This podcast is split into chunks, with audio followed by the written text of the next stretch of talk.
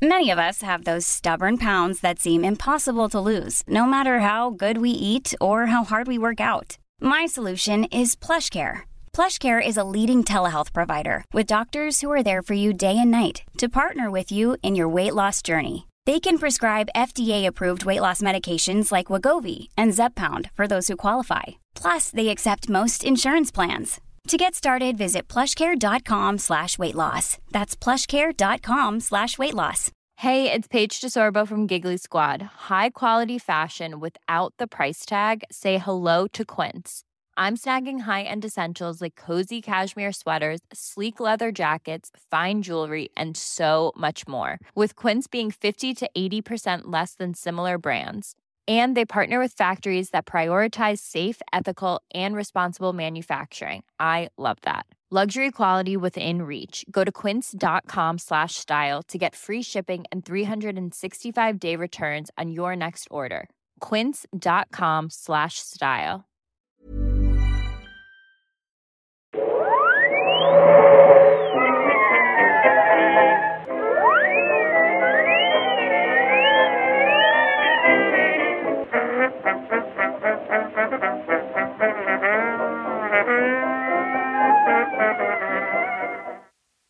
Då börjar jag i stort sett bara. Hej och välkomna till Nörden jag, det är jag som är nörden, Fabian Lander. Och det är jag som är jag, Viktor Engberg. Det här är podcasten i samarbete med Acast, där vi pratar nördämnen, nördkultur i slags bildande syfte. Jag försöker bilda Viktor. Här är saker han tycker om men inte vet så mycket om. Och idag ska vi gå ape shit. Eh, ver- verkligen. Du, du kunde inte ha sagt sannare ord. Vi kommer gå bananas. Vi kommer gå... Ja, jag höll på att säga ape shit igen. Det, Chimpan crazy. Nej, nej, nej. Eh, vi, vi eh, kan... Går...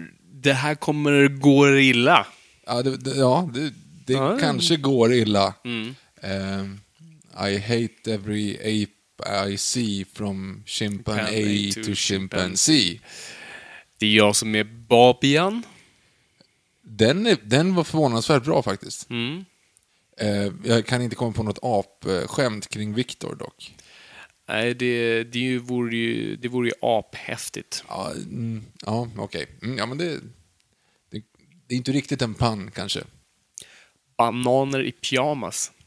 Ehm, De, den crossovern vill jag se. det skulle ju vara liksom någon form av zombiefilm när alla bananer bara jagar dem. Liksom. Eller alla apor bara Ja, jagar bara jagar bananer. Total cannibal holocaust. Bananer i pyjamas. Eh, de, De- kommer två och två. nej, nej, det, de, de skojar och står på. Just det. Bananer i pyjamas, de skojar och står på. Just det. Bananer i pyjamas, de kommer två och två. Uh. Bananer i pyjamas, de jagar björnar små, för de vill så gärna And kra- not necessarily in that order. de- för de vill så gärna kramas, vilket fasligt sjå. Någon har ändå fått betalt för att översätta den texten. ja, absolut. Det är, det är beundransvärt. Samtidigt, vad fan kom man på bananer i pyjamas överhuvudtaget? Vara bara det pitchmötet. Du vet, det är klockan kvart i fem. De En fredag. Bara, en fredag. Bara kastat saker på väggen. Ingenting funkar. Det, det är liksom... Det- det är fikon. Sylta, sylt i badbyxor. Fan, nej, det går inte. Fikon i sandaler. Apelsiner i Foodora-hattar. Nej. Bananer i pyjamas. Där har vi det! Tar inte så bra. Tack. Trevlig helg allihopa. Gå hem. This is genius! Eh, Men det var inte det vi skulle prata om Det här. är inte det vi ska prata om. Vi ska prata om apornas planet, Planet of the Apes, som då är den här superfranchisen. En av de få franchiserna som har hållit igång sedan 68. Det är de och Bond, typ. Ja, Star Trek. Ja, just det.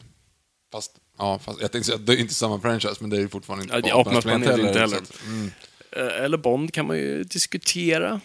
Sa inte jag det precis? Jaha. Nej, men jag menar alltså om Bond är samma franchise. Jaha, ja, fast det är det ju. Eller alltså vilken... Reboota.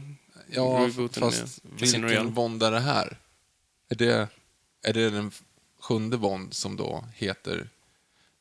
Som Käften, Victor. Käften. Försök inte ens gå dit. Bond är samma person, period. Ja. Pierce Brosnan. Eh, Ja, gud, vi spelar in ganska sent, vi bara lägga till här. Det, det kanske märks. Men eh, Fabian, Bananer i pyjamas tänkte jag säga, Apornas planet. Ja, Apornas planet. Eh, nej, men den här superfranchisen sen, sen 60-talet som har eh, kaptiverat flera generationer. Eh, we're still going strong. Och vi har den nya filmen nu, War of the Planet of the Apes. Är det War of eller War 4? Jag tror det är War 4 of the Planet of the Apes. Hade det varit den fjärde filmen i serien så hade de haft en fyra där. Mm. Ja, just det. Varför hade inte Transformers 4 en 4? I, i, i bra vadå? Trans, istället för F1 gjort en 4. Transformers, ah. Mm. Fast du kan inte vara istället för F1, O1 och R1. Som 4, Trans 4, MERS. Mm. Som 7, make no sense att det var en 7 där istället för ett V? Nej, ett E. Ja, men det kan ju vara lite uppåt sidodraget. I så fall så är det ju ehm, eh, Fantastic Four är lite konstigare. Nej. Vad, vadå nej? Ja, vadå, det är inte konstigt, det är en 4 där. Nej, inte i slut. Nej, ja, men det är ju en fyra i, A, i A1. Ja, I det är därför vi, vi, ja, precis. Därför folk kallar den uh, Fan Four Stick. Ja, precis. Eh, vilket jag tycker passar den filmen bättre. Hur som helst. Men det var inte det vi skulle prata om. Nej, Apornas planet, eh, superfranchisen. Så, ehm, som egentligen bara handlar om, om en dystopisk framtid med apor.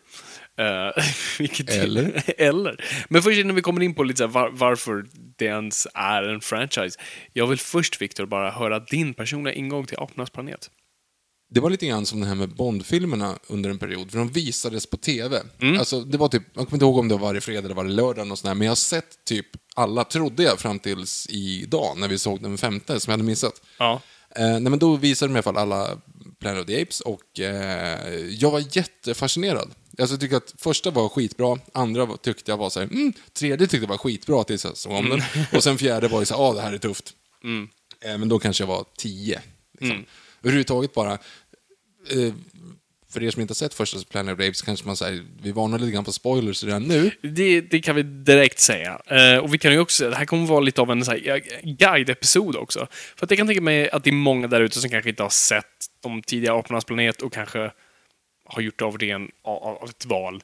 Eh, kanske bara sett första. Så att vi tänker guida er igenom de här filmerna. Så att ni är liksom lite up to speed i och med nya filmer. Ni kanske bara sett de nya. Så att ni kan förstå kontexten av dem helt enkelt. Så att eventuella referenser som dras kan, kan, kan ni förstå via oss. Precis, och egentligen, det är inte så jättemycket att spoila. Alltså, Nej. de kommer ju att spoila, alltså filmen är 50 år Alltså, gammal. och, och filmen har spoilat, spoilat sig själv de senaste 15 åren tack vare VHS och DVD-omslaget. Ja, precis. Och alla känner igen det. De har spoofats så extremt många gånger. Ja, liksom. Precis. Du vet när det är på slutet, när det visar sig att han är en, en kvinna. Mm. Eh, så att redan nu så, så kör vi spoilervarning, på att det kommer vara jättemycket spoilers på det Yes. här avsnittet. Men det är lugnt. Jo, men i alla fall, det jag tänkte komma till då, det Mm. att man blev fascinerad som 11-åring var ju att slutet var så jävla downer. Mm. Det var ju alltså, såhär, va? Vänta, vänta lite här nu. Levde han inte le- lycklig alla sina dagar med, med prinsessan där? Alltså, det Mm. blir ju jättekonstigt att bara ha en film som slutar med skit, liksom. Ja. Nej, det hade man ju inte sett tidigare. Nej, eh, inte I då i alla fall. Nej, precis. Så att jag tyckte det var väldigt fascinerande. Och sen så har de ju liksom fortsatt med det då, i alla fall i de tre kommande filmerna, att allting slutar skit. Ja, allt går åt helvete hela tiden. Eh, Så det tyckte jag var väldigt fascinerande. Mm. Vad är din eh, relation? Nej, men det, det slog mig nu när jag tittade om det, för jag kommer, det var vi, på någon av våra frågestunder, så, så, när jag frå, fått frågan vad, vilka serietidningar jag läste först, så har jag väl sagt Kalle Anka Company och typ Fantomen och eventuellt Spiderman. Jag kom på nu att bland de första serietidningarna jag läste var Apornas planet-serietidningarna. Full circle. Det var min farsas gamla serietidningar, för han hade ett stort jävla stash på vårt landställe. Massa gamla Mad och, och serietidningar i stort sett. Eh, och bland hans samlingar, typ det, egentligen, det var bara Mad och Apornas planet. Och så jag läste ganska mycket Apornas planet som barn. På svenska eller på På, engelska? ja, på svenska. De, de översatte. Jag är ganska säker på att de var på svenska. Eh, och var jättefascinerad av det universumet bara. Eh, hu, hu, ja, jag, vet, jag bara drogs in av det och jag kan fortfarande inte förstå varför. Vi ska komma in på det. Och sen såg jag såklart filmerna, precis som du, typ fredag kvällar klockan åtta. Och det såg jag med farsan, för pappa var ett Apornas planet-fan. Eh, så vi kollade på det och som sagt, första filmen fick man verkligen den här... Alltså jag kom, just som du säger, slutet, för jag hade ju inte fått det spoilat för mig, så jag visste ju inte hur det väl skulle sluta. Och jag var helt sådär bara... jag, jag, jag, jag, jag kunde inte ta in det, jag, kunde inte, jag, jag, fatt, jag fattade knappt. Eh, Mm, man var ju tvungen att få lite förklarat. Ja, men precis. Och, och, och det som Apornas planet-franchisen var så bra med är att förklara världen för mig. Jag förstod världen tack vare... Det är det här som är så bra med film. Men jag blev introducerad till världspolitiken tack vare Apornas planet. Tack vare första Apornas planet så förstod jag vad kalla kriget och kärnvapen var för någonting. Precis samma här. Det var så jag fick det förklarat för mig, för jag var ju såklart, liksom, var ju frihetsgudinnan där. Och så bara, ja men det är så här att ja, men människan sprängde sig själv och ja, varför? Nej, men du vet, det finns någonting som kallar krig. Ja, du vet. Ehm, och, och varje film, i alla fall de första fem, har ju på något vis reflekterat väldigt mycket den tiden de har spelats in under. Kanske minus Mm, första sista. fyra. Första fyra. minus den sista. Ehm, och, så så att det har ju varit en väldigt bra, precis som Bondfilmen har speglat sin tid, så, så, så är Apornas planet absolut gjort. Alltså det, du lärde dig politik tack vare de filmerna. Jag håller precis med. Eh, verkligen. Och man måste bara fatta att tänk under den perioden de gjordes när det faktiskt där var, alltså vi lärde oss om kalla kriget så här förr, för 30 år sedan så var det så här. Fatta att leva i det och se de där grejerna. Jag hade ju liksom shitting bricks. Alltså det hade ju varit, jag kan inte ens tänka mig att gå omkring och leva över det här, eller tänka på det här kärnvapenhotet konstant. Vet du vad jag var mest rädd för när jag var liten? Varulvar? Eh, Ja, delvis, men, men som jag faktiskt tänkte var ett riktigt hot, det var kometer. Eller som jag, precis som du, älskade dinosaurier. Jag var livrädd för kometer. Och jag kommer ihåg, du vet, när man såg plan på natten som gick och jag, om de inte blinkade blev jag livrädd. Eh, och man såg någon satellit så freakade jag. Och jag, var, jag, var, jag hade genuint så magont över Just konceptet av kometer. Ja, Fan vad jobbigt alltså. Jag Och verkligen så, så fort man bara, det finns en himmel, ah shit. jo, men verkligen. Jag kommer ihåg Morgan berättade så här. 2000, och jag tror om det var 2012, han sa så kommer en komet komma. Jag kommer ihåg jag bara, verkligen hade typ en kalender i huvudet. Att shit, nu är vi ett år närmare 2012. Jag måste läsa fler Batman. ja, precis. Ehm, så jag kan knappt tänka mig hur du måste, alltså tänk dig lilla Fabian. Med det sköra in, intellektet och, och, och väldigt hög rädsla. Hade kunnat leva under den perioden. Det hade inte gått tror jag. Nej, gud. Och, och hela den här, eh, vad heter det, ducken... Vad var det man lärde sig? Duck and cover. Duck and cover. Du vet, framförallt att det inte funkade. Alltså, Nej, men, precis. Ja, precis. Bara här, lägg dig under en bänk. Alltså det var Ja. bara så här, och som man förstår då, så här, okej, alltså det är inte för att ni ska överleva, det är bara för att ni ska vara lugna och inte stå och få panik när det Exakt, slita smäller. ut liksom. varandras ögon och Ja, precis. Mm, nej, precis.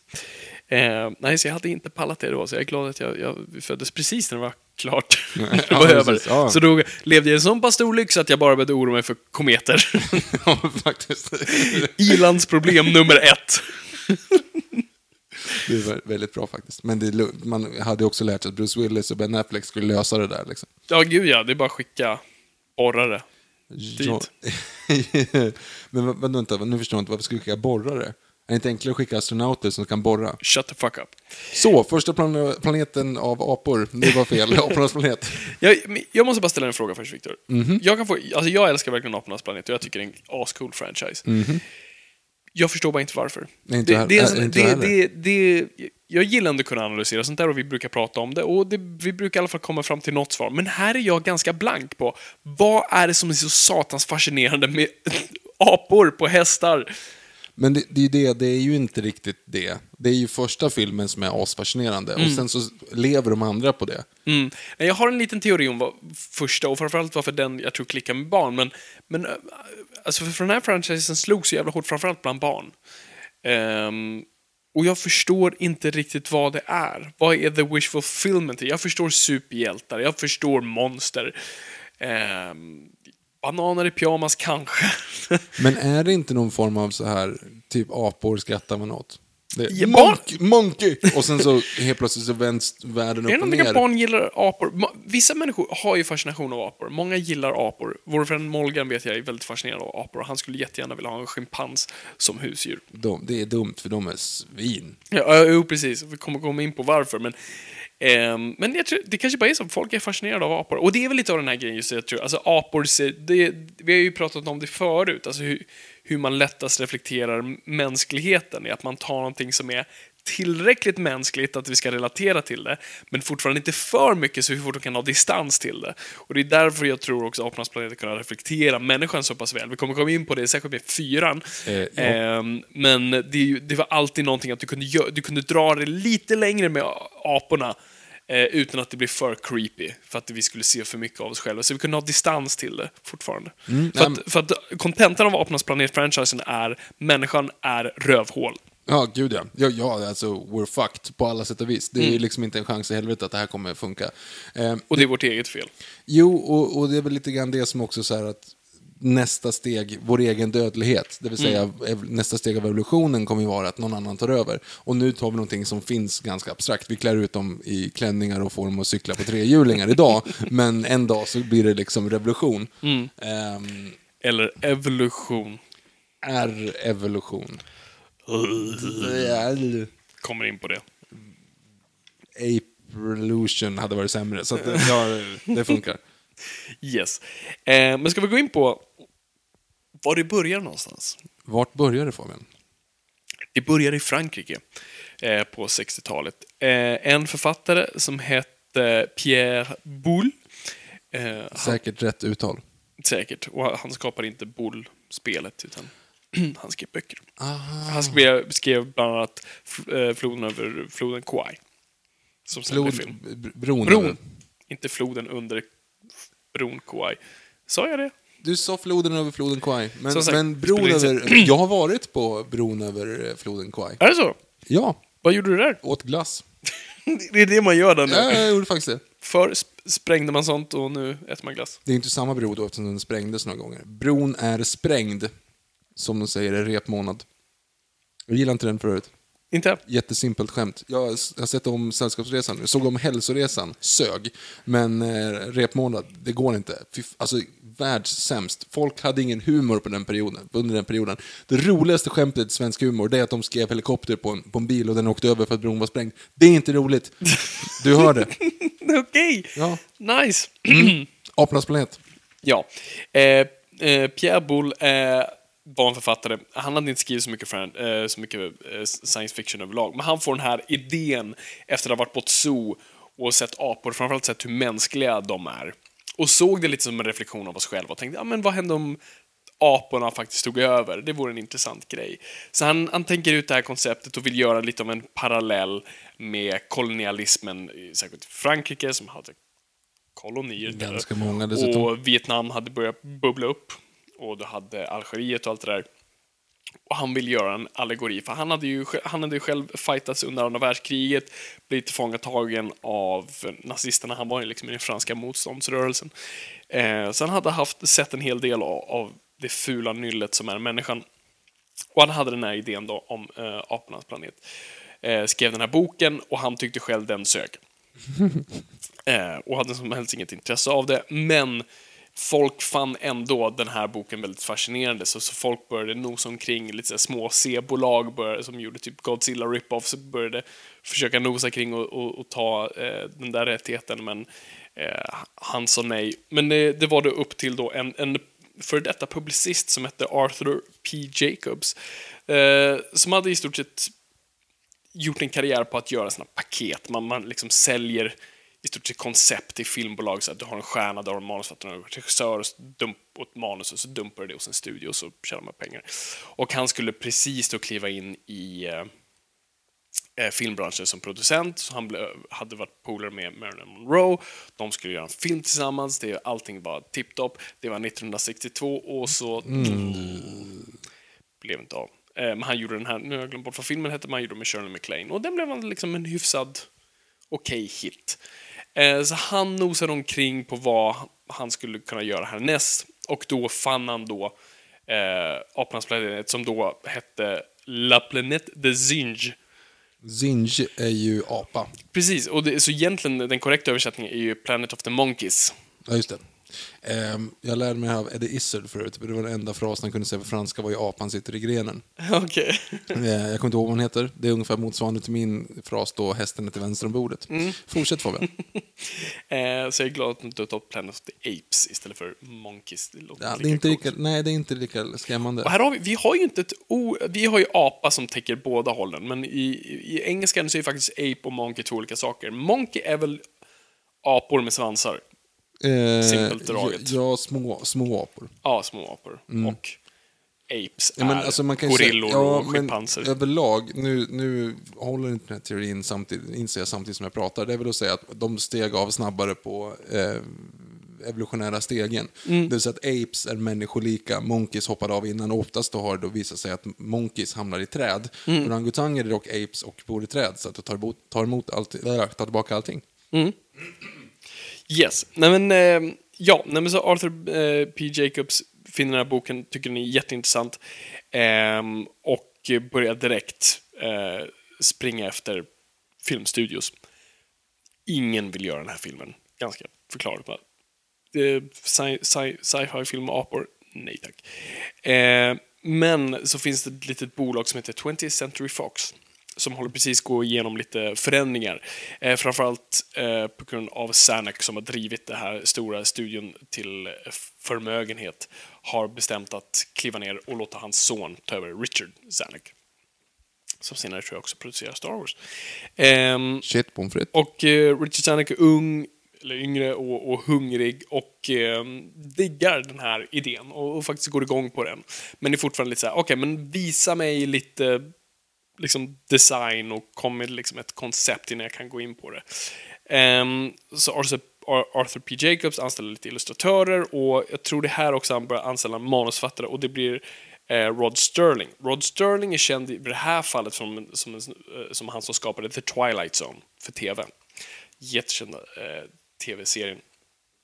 Eh, och han var väldigt känd för att trycka in, han skapade egentligen Twilight Zone för att han var, han var väldigt politisk och han var väldigt, alltså, och väldigt filosofisk och gillar att kl- eh, klämma in sånt. Men censuren var ganska hård på den här tiden så han kunde aldrig göra det. Så Twilight Zone blev den här perfekta grejen att gömma metaforer i sci-fi koncept. Så han var ju ganska perfekt val för det här. Eh, så han gjorde, jag tror, 30 drafts på, på manuset. Och framförallt, det, alltså, det boken handlar om är i stort sett lite, det börjar som film, det är tre astronauter och en apa eh, som kraschar på en planet som visar sig vara befolkad av väldigt in, intellektuella apor. Men det här är då, då lever de snarare i ett framtidssamhälle. Det är flygande bilar och framtidsstäder och de är klädda i kostymer och allt sånt där. Och det är det, det där, även det första draftet och all, all design de ritar och sånt där, det är det det reflekterar. Eh, det Dyrt. dyrt som satan. Men vad, framförallt vad Rod Sterling gör, eh, som aldrig ändras i senare drafts, är slutet. Och det, är alltså, och man fattar att han kommer från Twilight Zone. Twilight Zone var ju känd för sina twist-slut. Det var alltid en liten rolig twist där. Och det här är den ultimata twisten. Frihetsgudinnan på slutet. Så det Spoilers. Spoiler, spoiler alert. Ehm, så med allt det här så går de till, till Richard Zanuck som, som fortfarande går igång på det och säger perfekt. Ehm, men det där med framtids och flygande bilar, nope, nope, nope, nope, nope, nope. Kutta det. Och då väljer de att ta in en, en ny manusfattare, en, en manusfattare som heter Michael Wilson, som tidigare varit del av The Blacklist, som han- var han hade, han hade även då adapterat eh, Bron över floden Kwai. Nu sa jag rätt va? Ehm, så han kändes som ett bra val. Han kunde man få hy- hyfsat lätt vid den här tiden. Så han skulle dra, dra till draft och då ta tillbaka det lite mer till, eh, till att man gör dem till mer primitiv sort av apor, men fortfarande med hästar och vapen och sånt där. Um, och här då, um, Arthur P. Jacobs är väldigt duktig på koncept, att just leverera paket, så att han förstår ju att vi måste ha en stjärna på det här projektet innan vi ens kan gå vidare. Uh, så han rotar omkring och uh, den han faller för ganska snabbt är Charlton-hästen. Och Charlton-hästen går direkt igång på det. Han tycker det låter som en jättebra idé. Um, så att uh, ganska snart så börjar de få ett paket. Men nu är just frågan, som, som just Zanuck frågar. Okej, det här, allt det här ser jättebra ut. I dig it. Men folk kommer skratta åt apor. Men som sagt, det, det är klänningar och trehjulingar all over again. exakt. Så att vi måste lösa, ni måste bevisa för mig att ni kan göra aporna innan vi ens trycker på den gröna knappen för att allting faller eller flyger på de där aporna. Så okej, fine. Eh, så de bara tar in en, en random sminkör, ingen, ingen liksom riktigt stor, men bara testar, gör ett koncept. Och de gör en scen från manuset, med, som, från ett tidigt draft mellan då Charlton Heston och då Dr. Sayers. Och det här sminktestet, det är, liksom, det är bra. Det, det, det, det får de godkända. Det ser inte alls ut vad det blir sen, men det, det, så här, okay, det klarar skratttestet. Det var lite, eh, skratttestet verkar vara en vanlig Hollywood-grej. Det var tydligen det som gav Henry Cavill Superman-rollen. För att varenda person som kom då sent in i, processen, då, eller långt in i processen, fick göra vad de kallade the, laughing test. Okej. Att man satte dem i Christopher Reeve Superman-kostymen. och såg de fett löjliga ut så rök de. Men Henry Cavill var tydligen den enda som klarade the laughing test. Så det är lite coolt. De släppte ju den bilden för ett tag sedan. Den står i Christopher Reeve-versionen. Ja, precis. Har Inte Ja, han ser cool ut. Ah. Jag, ska, jag får visa det. Brandon Routh gjorde inte det, så. Nej, nej, han, han, Han klarade inte laughing test. Han, fick, han blev anställd ändå, men han kunde ju simma. Det var det som var viktigt. han kunde simma. Han kunde få det att se ut som att han flög, ish, under vatten. Exakt, när man drog honom i ett rep. Mm. Som sagt, kolla på extra-materialet till, Filmad på 70 mm. eh, till eh, Superman Returns, det är den bästa komedin som har gjorts. Eh, eh, ja, men så, så allt börjar, börjar falla ihop, men fortfarande, vi behöver en riktigt jävla duktig sminkös.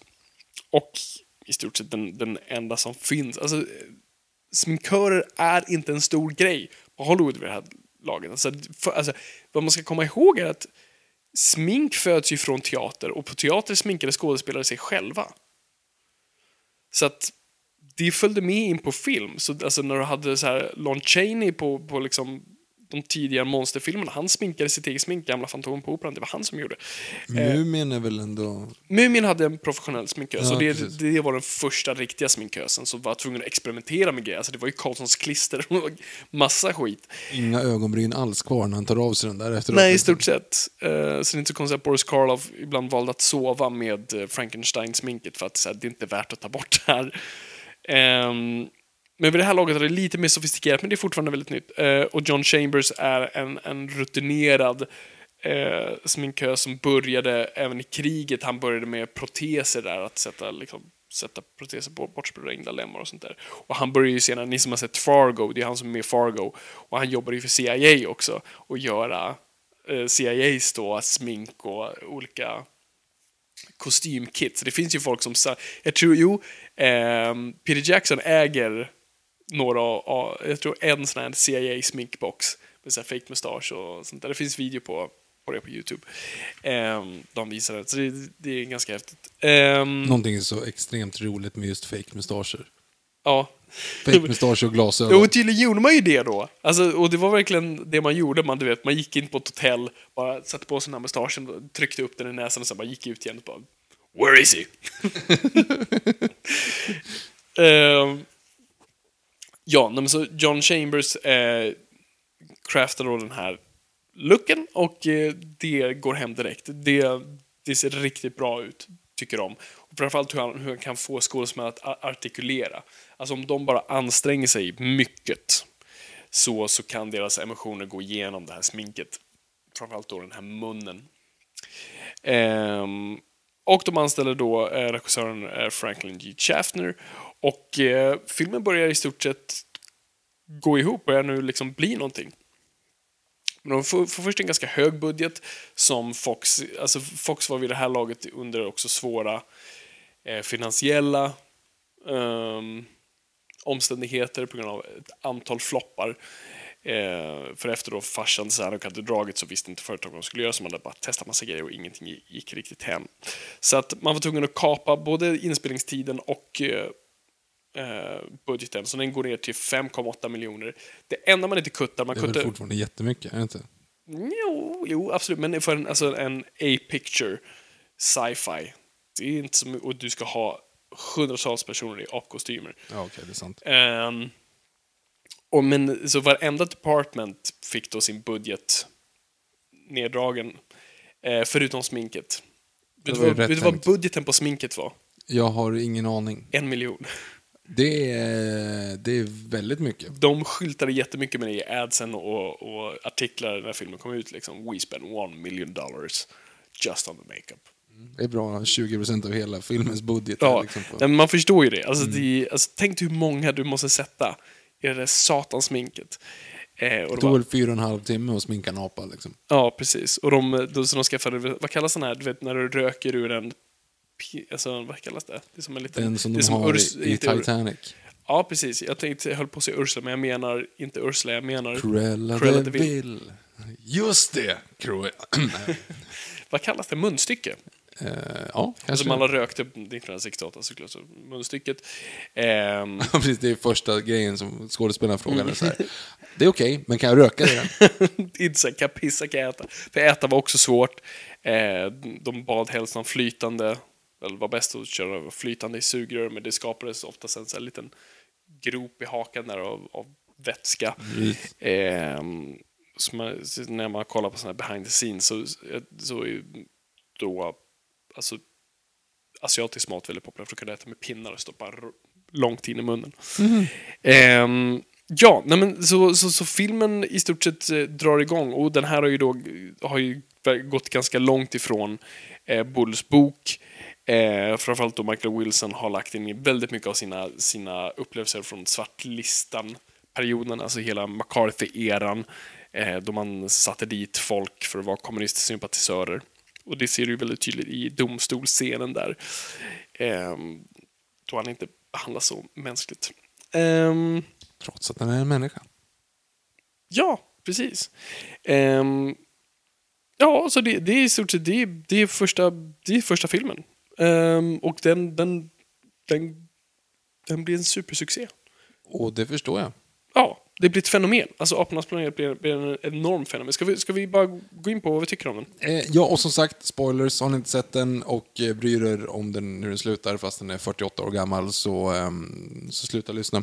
Eh, den är helt fantastisk. Jag tycker att den är skitbra. Eh, vi såg ju om den nu igår, bara för att liksom få, få färska känslor för den. Eh, alltså den är skittight. Jag kommer ihåg, jag har inte sett den på typ 15 år, men jag kommer ändå ihåg liksom hela scener. Kommer ihåg när, alltså, när Dr. Sayers krossar flygplanet, den här Ja. nonsens och inzoomningen. Det var så ah shit, det här är precis som jag kommer ihåg det. det alltså allting är, det, det, man, den sitter så extremt djupt Ja. igen. eh, I populärkulturella medvetandet, som man ska säga. Mm. Ehm, jag, den, jag tycker den är skitcool. Och så blir det ju så här första gången, det är, ju- det är ju en ganska simpel allegori. Ja, Alltså det är ju verkligen in your face på alla sätt och vis. Men eh, när man är liksom lite yngre så fattar man så okej det här, det finns problem i samhället. Liksom. exakt. Nej, Jag ser jag, det. jag, jag tycker den är cool. Mm, jag tycker den är asbra. Ska vi bara gå igenom lite, liksom, gå igenom den steg för steg vad den handlar om? Eh, så då har vi då ett, eh, ett rymduppdrag. Eh, där Lite oklart vad de Lite ska o- göra. Yes. Uh, bara förklara snabbt. Vad- Då ser vi Charlton Heston sitta och röka en cigarr i rymden. Uh, förklarar om hur hemsk jorden är i stort sett och nu är de på väg någon annanstans. Så. Tiden har tydligen med ljusets hastighet. eh, vilket inte riktigt... Ja, mm, jo. ehm, hastighet har förvisso lite med tid att göra, så att jo, förvisso det stämmer. Ehm, men det har väl också med gravitation att göra. Jag vet inte, jag har ingen Vi, vi släpper det. vi släpper det. Men ju längre bort de åker från jorden, eh, ju, ju äldre blir jorden. Det är lite det interstellar-grejen antar jag. Eh, så att de, när de är på sin färd, de har typ åkt ett år tror jag, så har det gått 2000 år. Eh, ja, ja, inte i början, men det är det de slutar för att det blir något fel när de somnar. Liksom. Ja, precis. Så han pratar lite om det och sen går han och lägger sig med sina då tre andra eh, kamrater, två män och en kvinna. Ehm, och, senare, och sen så vaknar... Nej, de vaknar inte. De, jo, de vaknar. Jo, de vaknar av att de har kraschat. De har kraschat på en planet. Eh, kvinnan är död. Eh, det är en rispa i, i hennes glas på hennes podd. Och En av de första så här, riktiga mardrömsbilderna Ja, jag gud ja. Hon har åldrats direkt, typ. Det ser skitäckligt ut. Eh, och de har landat på den här ön. Och det är som sagt, det är Men väl... de har inte landat på en ö, de har landat Förlåt, i vatten. I vatten. Och eh, jag skulle gissa på att det är eh, Chimpanzee Oh! de har landat i. Snyggt. Den har jag suttit och väntat på. ja, Yes. fortsätt. Vad är deras uppdrag, Victor? Det, det vet vi inte. Alltså, det är, det är de- han- absolut inte för, för kolonisering. I så fall tänkte de lite fel ha de har en en kvinna och tre kvinna, män. tre Alltså, snubbar. Ja, men, du, det, det är incest dag två. ja, men, och grejen är att han sa ju dessutom, liksom, han säger ju det så här, she was supposed to be our Eve. Mm. Men bara, vänta lite här nu, hur, tänk, hur tänker du nu? Hur tänker du nu? Alltså, det finns ju mycket, du, bäst hade varit att två, en av varje. Alltså, två av varje liksom. Ja. Eh, för då hade du i alla fall i två steg kunnat haft att folk inte är släkt med varandra, men sen är det Precis. kört liksom. Eh, Så att de tänkte ju fel uppenbarligen. Mm. Men, men, men han säger ju det längre fram i filmen att eh, she was supposed to be our Eve. supposed to be our Eve. Fast det makes no sense. Vi vet inte riktigt vad de har för uppdrag. Nej, för det kan ju inte heller vara för, för att utforska, för de vet, han är ju inte särskilt förvånad över faktumet att, de, att det har gått så pass lång tid. Det verkar vara ett faktum, så det är inte som att de ska rapportera tillbaka till jorden. Nej, nej, och om de gör det så måste det vara jordens tråkigaste jobb att sitta, dubbel definition, jordens tråkigaste jobb, och sitta på jorden och vänta på rapporter på dem. För de kommer typ var 300 år. Ja, Alltså, och de skickade, som vi får reda på i tvåan, ett eh, räddningsskepp typ två sekunder efter. ja, samma år. Alltså, så här, De hade inget Taylor's been gone for a year. Bara, ja, han är lite längre till och med. Så- att, eh, nej men, och, och Charlton Heston tjatar ju hela tiden. Han verkar vara besatt av den här grejen att vi har åldrats och jorden, eller vi har inte åldrats men jorden har. Men det är det eller- enda han pratar med sina polare om. Eller så handlar det om att han vill berätta för publiken hela tiden. Ja, det för att också. folk är inte vana vid konceptet av att det kan vara så. Nej, det här är ju supernytt på alla, alla sätt och vis, definitivt. Det är ju. Ehm, ja, nej, men så de utforskar den här planeten. eh, den är lite weird, den är ökenaktig, de börjar se lite blommor och det verkar faktiskt kanske finnas lite liv på den här planeten. Oj, ursäkta. Ehm, och sen så badar de näck. De är väldigt nakna, det är de. Det, Men okej, det kanske inte är det som är viktiga i den egentligen. Det är snarare så här, de större, större grejerna, eh, de kan andas luft på planeten. Ja, just det, det är en viktig Det grej. finns en sol på planeten. Mhm. De verkar inte reagera över det riktigt nämnvärt. Eh, typ tre gånger så säger han så här, vi måste bestämma vår position. Och Charlton Heston säger, nej, du behöver inte göra det nu. Så, här, typ. så att det, det är verkligen, hade de gjort det från början så bara, hey, wait a minute. Mm. Men det gör de inte. Så att, ehm, eh, det slipper vi ju. ja, Och sen så badar de och stöter på massa människor. precis. Som inte säger någonting. Som inte säger någonting. Det, det verkar vara en civilisation som, som, som är som har gått, som är be- betydligt tidigare än, än eh, nutidens människa. Och Charlton Heston säger nästan direkt bara lite så här We can be kings here. Taylor är en väldigt speciell karaktär på det sättet. Ja. Han etableras från början som lite grann en douchebag. Ja, verkligen. Det är ju ingen hjälte på något sätt. Nej. Det är den andra snubben man tycker om egentligen. Ja, precis. Ehm, nej, men, och sen så visar det sig då i, i en reveal att ehm, de här människorna är, är inte alls på toppen av näringskedjan. De är jagade Monkey! av apor. Vad är, det, vad är det första en apa säger i den här filmen, Victor? Vänta lite här nu. Eh, eh, det vet jag inte.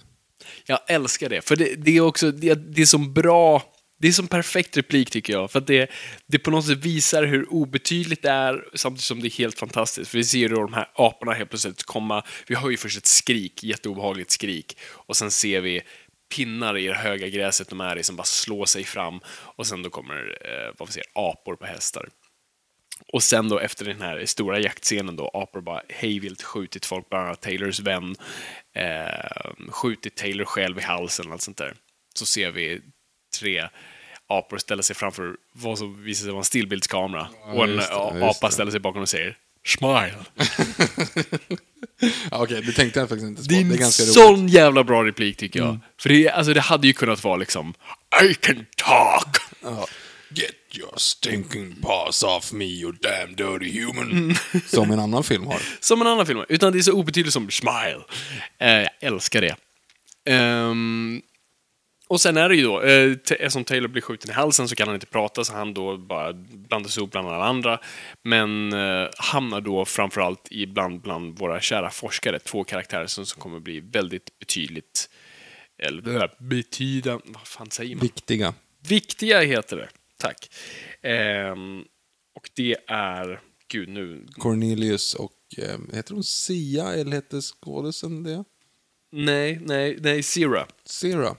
Sia är hon med håret som sjunger om Chandelier. Det är Just inte det. samma person. Nej. Cornelius och Zira, eh, som är då forskare eh, som bara testar saker på människor tydligen, eh, blir väldigt fascinerade av honom. De börjar kalla honom för Bright Eyes och eh, förstår att han är lite mer eh, kunnig än andra människor. Och här eh, fäster sig då eh, Charlton, eller Taylor då, med, med, med en kvinnlig karaktär som han börjar kalla Nova. Jag tycker att karaktär är att ta i. det här var då Linda Harrison, som var Zanucks flick, 21-åriga flickvän. Eh, och det var verkligen här You wanna be a star? Eh, och hon sätter sin roll där hon inte behöver prata och bara se eh, otroligt vacker ut. Och blir då Charlotte Hestons kärleksintresse. Intresse, eller? Ja, Men- i stort sett bara eller? intresse. Han blir ju tydligen jättebetuttad i henne, så som inte, de kan inte prata om någonting, de kan inte... det liksom, det finns ingenting de har gemensamt, ingenting de kan utdela mer än bara pork pork. Ja, men han, han säger det, you're listening to me. Ja. Alltså, det alltså, ja, hon säger ingenting. Är det här den perfekta kvinnan för dig, Charlton Heston, som bara är tyst? Eh, och han döper henne till Nova, vilket är så här, men, men du kommer ju inte dela någonting med Du kan lika gärna kalla henne för Cumbucket. alltså, hon, Come on, Cumbucket! Cumbucket, no! Ja men, ja, men det är hemskt. Alltså det är hemskt. Och det, hon, får inte, hon får inte någonting att arbeta, jobba med. Nej. Alltså, Linda Harrison, alltså, jag, jag tycker så synd om, om henne ändå. Alltså, om man tittar runt i de två första filmerna hon är med i, det enda som händer är att hon bara, någon, en snubbe, en skäggig snubbe går omkring och drar i hennes arm. Hela, hon gör ingenting. Nej. Och den karaktären har ingenting med saken att göra. Det är bara liksom, vi måste ha en vi måste ha en anledning att visa liksom en, en kurvig kvinna i småkläder. Liksom. Yes. Det är enda anledningen till att hon är she filmen. talks, the better. Hon så... säger faktiskt ett ord i, i andra filmen. Men Ja, just det. Men hon blir dödad för det. Så att, Ja, just det. Nej, det är sjukt. Nej, det, det, det är ganska eh, eh, galet. Ja, hon säger ju, är fortfarande en bättre karaktär än, vad heter hon i, i Tim Burton-versionen? Helena Bonham Carter. Nej, du menar den andra. Ja, just det. Ja, skitsamma, fortsätt. Skitsamma. Ja. Ehm, ja, och sen, och, och sen när de får reda på att... eh, Sen säger då såklart då, eh, när han får tillbaka sin röst. Take your stinking paws off me, you damn dirty ape! Och alla blir What? Precis. Eh, och han ställs inför rätta. Och här, här ser man ju väldigt mycket allegorierna för mänskliga rättigheter och allt sånt där. Hur kan han ställas inför rätta om han inte är en apa? apa eh, människor är inte lika värda som apor, men om han då inte är lika värd, så varför ställs han en, ens inför rätta? Alla de där grejerna bör, börjar ställas. Och eh, det är ju framförallt en fråga, och, alltså det, är en väldigt, det känns som en väldigt stor allegori för typ katolska kyrkan under typ de bashar, de, de, de bashar religioner ganska hårt. Alltså. väldigt hårt om tron och att, att, att eh, de som eh, är väktare över religion också väktare över vetenskapen. De är i samma eh, bås, så att säga. Och eh, det är ju då framförallt Dr. Seuss då, som, som är den här förnekaren av alltihop, som är en eh, schimpans. Nej, Nej, han är orangutang. Mm. orangutang. Jag ber om ursäkt. Ehm, och då, alltså, det, det, vad är det det blir? Det blir typ en kamp mellan människa apa, vetenskap och religion. Att eh, det, bör, det börjar finnas tecken på att det kanske funnits även en, en, en mänsklig civilisation innan apor där. Att människan har varit mer Det är en allegori för avancerad. evolutionen helt enkelt. Det är ju Ja. kyrkan som tystar ner evolutionen. Det är det det handlar Precis. om. Och det är så bra, tycker jag. ehm, du, den, det, det är så perfekt att se om den, för det funkar perfekt, men samtidigt hur du försöker vilseleda med det spåret. Att vi, försöker, vi tror att vi hela tiden ska få reda på om den här civilisationen som faktiskt har existerat, när det snarare bara pekar på Ja, det har funnits en civilisation, men yeah. det är inte vad du tror det är. Ehm, ja, och, och allt det här leder ju till att de ska utforska the forbidden zone. Som då visar sig vara när de kommer dit, för att en av de där karaktärerna, Cornelius då, är ju arkeolog, så att han har varit där tidigare och sett de här bevisen. Eh, och så nu tar de med Taylor dit och eh, man hittar massa gamla saker och eh, då det som bevisar att det verkligen har varit någonting är egentligen då en, eh, en liten docka som kan prata. Och då så kan sen du säga då så här, okej men varför skulle det, och så här, apor kan ha gjort den där, men varför skulle de göra en docka som kan prata? Så här, en människodocka som kan prata. eh, vilket gör att det blir en shootout och vi tror att allting är över. Men, när Nova och eh, Ben Hur rider där på stranden Come on, come bucket! och man ser att det är någonting som är, vänta lite här nu. Man, han tittar upp, vi ser bara reaction. Vi ser baksidan på någonting pointy. Och han kliver av hästen. Och han... Eh, lite väl överspelat möjligtvis, men ändå de, de, de episka orden. It cannot be. I'm, I'm home. You finally did it. You maniacs! You blew him up! Damn you! Damn you all to hell! Och så får han massa vatten på sig. Mm, precis.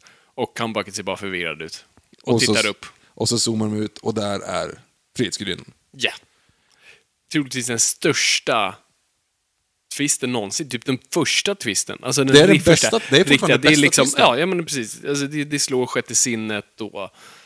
Ja, och framförallt när man ser om den, för att då är det så här, du, du, de hintar hela tiden. Ja, Hela tiden visar de att det här är liksom jorden. precis. Nej, verkligen. Nu är man sitter bara så, hur fan kunde vi inte märkt det här? Ja, det är liksom? verkligen den här prestigegrejen. Det, det är in your face, men ändå viftar man med någonting annat på sidan. Är det- Kolla, det är apor i kläder bara, oh!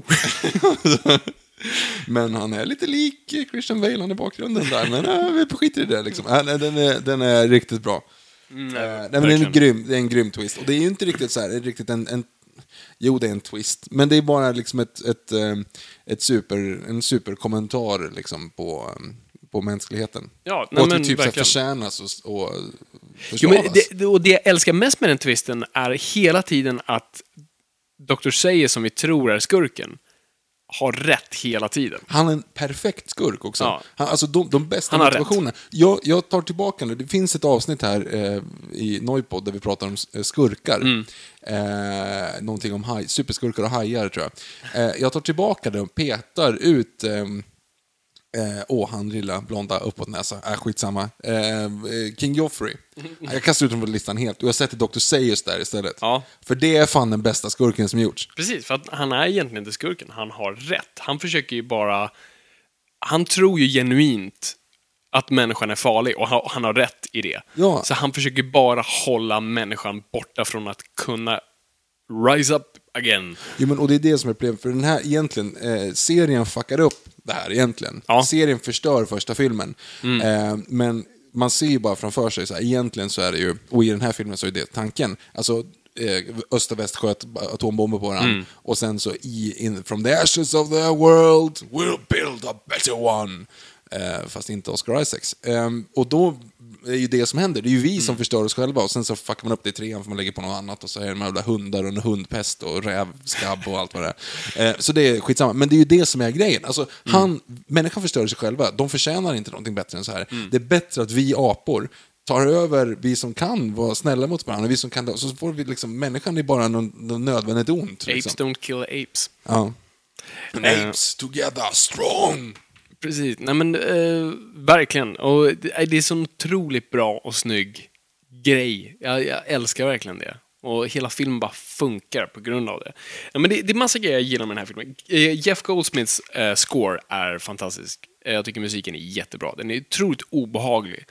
Ehm, och väldigt weird. Ehm, och jag, jag får en känsla direkt med det. Jag bara, alltså när den bara förmedlar den här, jag bara sugs direkt in i den världen tack vare den musiken. Tycker det är fantastiskt. Det är något ovanligt modernt filmspråk. Alltså, hur den är film, det är mycket handhållet, vilket var ovanligt då.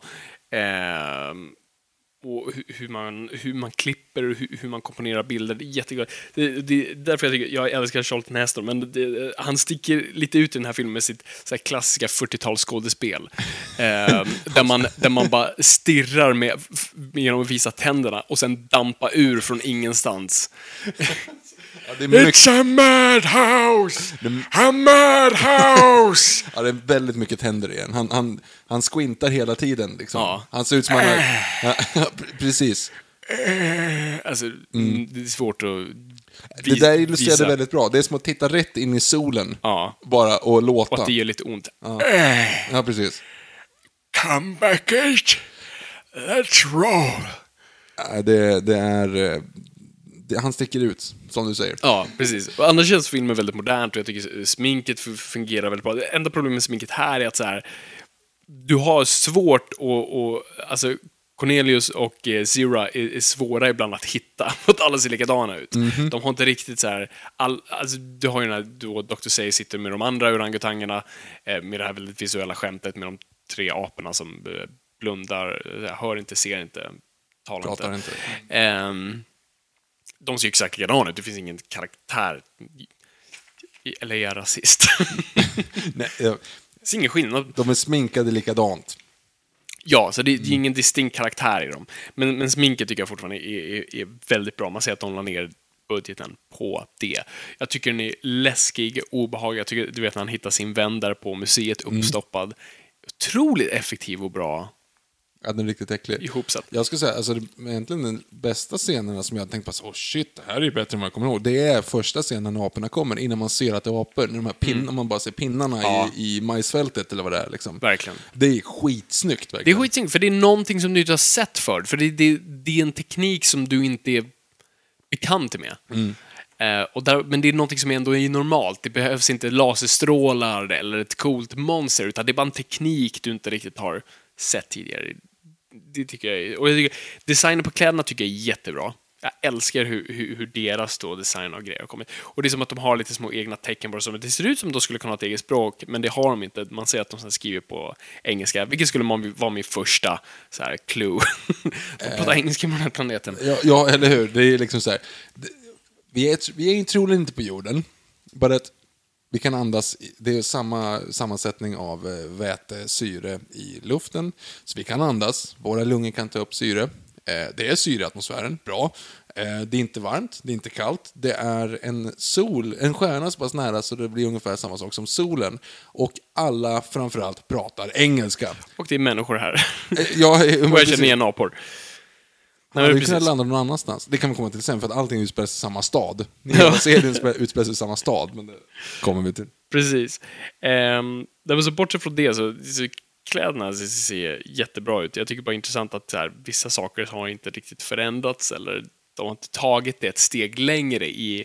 eh, du påpekar det väldigt bra. De har till exempel ordet evolution. Vilket Ehm, inte borde finnas. Nej, precis. De har, de har eh, approprierat vårt språk på fel sätt. Eh, den har tagit vissa cues och saker, men de, man har bara plockat det rakt av. Så, så där är det lite dodgy. Eh, och sen har vi ju såklart smink. Sminket vann ju en Oscar. Du hade ju inte vid det här laget eh, bästa smink-Oscar, utan du hade ju då Special Achievement, en sån här extra Oscar, som nu inte finns längre, som man nu typ vill ta tillbaka. Eh, som man då kunde ge till vissa då specifika grejer som kanske inte hade en egen Så kategori. du är allmänt duktig, typ. Ja, du- du var bra, vi har ingen kategori till dig. Här har du den. Och tydligen var Stanley Kubrick lite upprörd över det här. För han kom ju samma år med en apfilm, Ah, 2001, just det. som är... Och ing, i, jag, älskar Apornas planet, men hans apor är ju pissnygga. Ja, jo, de är jättebra. Har du sett deras munnar rör sig versus de här? Här Men är de ju, här är ju pratar inte. De, De låter ju. Jo, och du men- ser att deras läppar går upp och visar tänderna. Alltså det, det, det ser helt absurt bra ut. Och det var ju det Stanley Kubrick hade som ursäkt det där. Alltså, vår film var så pass bra som inte ens visste att det där var smink. Mm. Men Apornas planet fattade de att det var smink. Ja, det är Kan sant. ligga något i det. Det är sant. Det kan ligga något i det. Det är sant. Ehm, men så det, det är rätt kul att ha de, de där två aporna. Ehm, nej men jag, jag älskar den här filmen. Och det, varför jag tror också barn går igång på det här. Alltså absolut, det är kul. Apor på hästar, det är väl alltid kul. Men, De är inte porträtterade som roliga direkt. inte- men jag tror mycket ligger i protagonisten eh, som Charlton Heston har. För att det, det är en antihjälte. Det är en passiv hjälte eh, som inte kan göra så mycket. Och framförallt att han är missförstådd hela tiden. Och barn lever ju i en ständig värld där de är missförstådda. Och det, de älskar hjältar, men det är svårt att relatera till hjältar för de, de har oftast perfekt koll på situationen och driver storyn. Här har du en, en karaktär som inte driver storyn är ständigt missförstådd och dras omkring precis som ett barn. Precis som Sean Connery i Only Live Twice. Du menar Goldfinger, men jag förlåter dig ändå. Nej, men Only Live Twice också. Nej, Only Twice igen driver han väl- väl- väldigt Det är mycket. tur att han inte blir förgiftad för att hans fru bara rör sig lite Ja, ja, när det är, hon om, sover. det är Bond-omständigheter, det kan du hitta i varje film. Men i Goldfinger är det verkligen bara Operation Grand Slam. you overheard that! Ungefär som Steve Trevor i Wonder Woman som också så här. Mind me showing it? Perhaps? I've heard you're working with something, can you uh, show it? ja, nej, precis. Eh, exakt. Skyfall lider också. Lyssna på våra Bond-avsnitt eh, om ni vill höra mer om det. Eh, men här har och jag menar inte att han är passiv på så vis, alltså, han, är ju en väldigt, han blir ju väldigt aktiv på slutet, men det är, det är just den här, jag tror barn kunde relatera väldigt mycket till den här situationen och vara i en värld där du inte är i kontroll. Men du är fortfarande hjälten i din egen story. Eh, och jag tror det drar in en och det är det som var så fascinerande med det. Just det, han inte kan prata, han kan inte kommunicera. Men han förstår ändå. Det, ja, det, det, jag tror det ligger någonting i det. Nej, jag, jag, jag har inte tänkt på det, men det var fint. Mm. Bra, sagt. Ehm, ja, eh, sen vill jag bara tillägga att eh, Bull hatade slutet. Han var fett emot det. Jaha, vilken sopa han är. För det roliga är att hans slut är väldigt likt eh, Tim Burtons slut. Det är att de kommer tillbaka hem Mhm. och det är en go- typ gorilla där som är en parkeringsvakt. Någonting, och så är det slut. Men vad innebär det? Vad betyder Makes det? no sense. Vad betyder som det? sagt, han var inte en bra sci-fi författare. Någon som vet bättre än oss, hör av er på hashtag Noipod. NOJPOD. Ja, nej men hur som helst, den här filmen, supersuccé. Blir ett fenomen. Vilket saker sällan blir. Ehm, folk i alla åldrar går och ser den här filmen. Den, den, blir enorm. Eh, blir en s- enorm succé för Fox. Det var väl apor? Vad sa du? Det var väl apor, inte enorm. Jättestor succé. Ja, vi går vidare. Ehm, alltså, och det här är ju mm, alltså, det här är 1968. Alltså, uppföljare är inte en stor grej vid det här laget. Det gör B-filmer och Bond-filmer.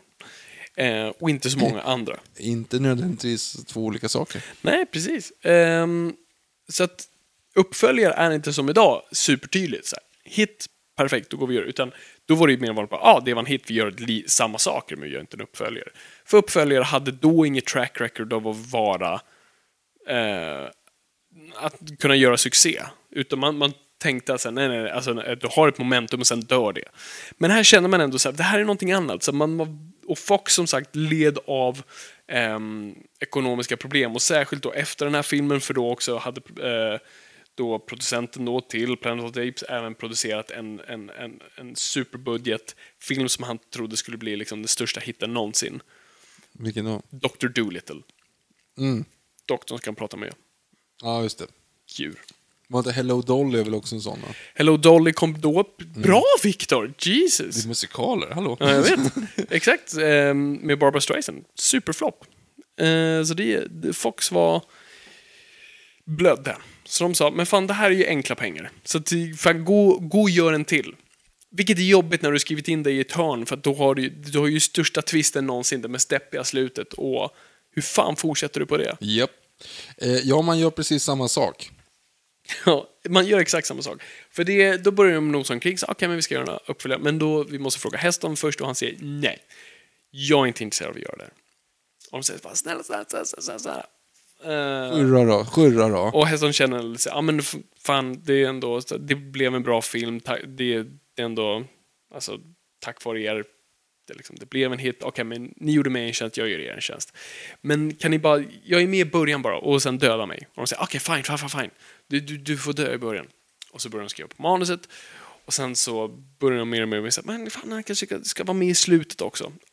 Och de säger så ja men du är med i början och sen så dödar vi dig i slutet. Du är med i första och sista scenen. Och vi dödar dig. Och eh, han som då, och nu kommer spoilers, han ville verkligen försäkra om att det inte kommer några fler uppföljare och att han slipper det här. Så han kommer på idén.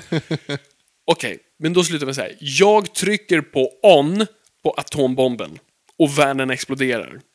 Vad säger ni om det? Let's do it! Och de tänker att, ah, fan, vi kommer aldrig göra en trea. Nej, vi kommer inte göra fler att av de här. liksom. Det, är liksom, det är kört, vi spränger världen. Eh, och det blir då eh, Beneath the Planet of the Apes. Yes. Som då också då, av budgetskäl får hälften av budgeten av första filmen. Eh, och här definitivt rubbar man på sminkbudgeten. Varav, vilket är det roligaste i hela den här filmen, kollar du bara, första raden av apor ser okej ut. Andra raden av apor halloween-masker. Ja, det är Buttericks. Alltså, det är verkligen Buttericks på dem. Mm. De försökte inte ens. De kan inte ens öppna munnen. De aporna som sitter i bakgrunden kan inte öppna munnen. Det är här vanliga som man bara dragit över för kostar 99 Ja, precis. spänn. Liksom. Alltså ena ögat är i ena öghålet, andra ögat är i näshålet. Alltså, det är, de sitter snett och, det är och du vet, håret är alldeles rufsigt. ja, det är Eh, helt uppenbart att det är liksom vart Det, de la det pengarna. ser absurt ut. Ehm, men, eh, men man, och det, det, varför man, och man sagt så här, eh, Ost. ost, Gandalf. Eh, eftersom man tar bort hästen så kan man ju inte bara säga, ja men, ja vi, vi funderar på någonting nytt. Nej men vi, vi lägger in hästen kopia. Ja. Så man kastar egentligen om. Man skulle lika gärna kunnat säga till hans tvillingbror.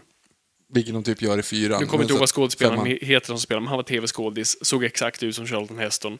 Bio- Fast, fast vältränad. fast vältränad, yngre. Eh, han kraschar också med sitt plan för att hitta Taylor. Och vilket makes Han no hittar- sense. Vilket makes no sense. Taylor har varit borta i typ ett år när han bara så här. Och sen dessutom, det var inte bara Taylor, de var fyra stycken. Och ändå går han omkring, Where's Taylor? bara, men de andra, det, hade ju lika gärna kunnat varit han som åt en reva i glaset och att de, någon Precis, av de kanske bara kvinnan överlevt. som överlevt. Har Ja, du funderat på det? Ja, men, och så här, Where's Taylor? Bara, don't know. Och så visar det sig att det var den här Andersson, eller vad fan han hette, som, som klarade sig. Alltså, de har liksom så här, åh, det känns som att de, man, de har läst manuset på första filmen, så att det var därför han vet om det. Liksom. Precis. Och, här, och han hittar ju väldigt snabbt comebacket eh, och blir direkt också betuttad i henne eh, och drar runt på henne. Hon har ett sätt som får alla män att tro de är i himmelen. Men den hon vill ha är Taylor. Vill jag fråga. Nej, det, det var... Ingen hör något, inget ser. Går på sin knän och ber. Men den hon vill ha... Fabian, fortsätt prata här nu. Du måste avbryta mig i såna här lägen. Okej, kommer nej, nej, nej, absolut, absolut, absolut. Ehm, ja, så han kommer. Det börjar ju såklart med Charlton Heston som försvinner ut i öknen. Han trillar, trillar bort i intet. Ja, vilket man lär sig sen är en illusion, vilket makes no sense, för han försvinner ju faktiskt. Precis. Så de, de, de har liksom gjort fel, men kontinuitetsfel i sin egen... Alltså, ah, öv. Nej, men så, så vår nya astronaut då, eh, följer med comebacket som tar honom till apstaden. Eh, vilket var exakt samma sceneri i den lilla småstaden från förra. Mm, alltså, Ehm, och då snackar vi inte om den i Sydafrika, utan den i framtiden, inte... Va? inte Finns det en apstad i Sydafrika? K-apstaden. Jag tänkte att det var... Ja. Jesus, Viktor. Ugh, mm, Ja, nej, nej. nej. Ehm, ja, nej men så... De tar, det är exakt samma sceneri, för det var kvar från förra filmen. Det man ska komma ihåg här var att filmbolag ägde ju liksom land. Och de, de byggde ministäder och så, men och de hade ju då en ranch, en superstor ranch som Fox ägde, som kunde spela in sina cowboyfilmer och perioder. Och, alltså det var hur mycket land som helst, så de byggde massa grejer lite här och var. Så det var ju ganska billigt att använda. Så då, och de hade bara lämnat kvar eh, scenografin från förra filmen. Så bara, bra, det är apstaden, jag använder den igen. Eh, de kommer dit, de är knappt där, de bara hänger där en stund och bara tittar in.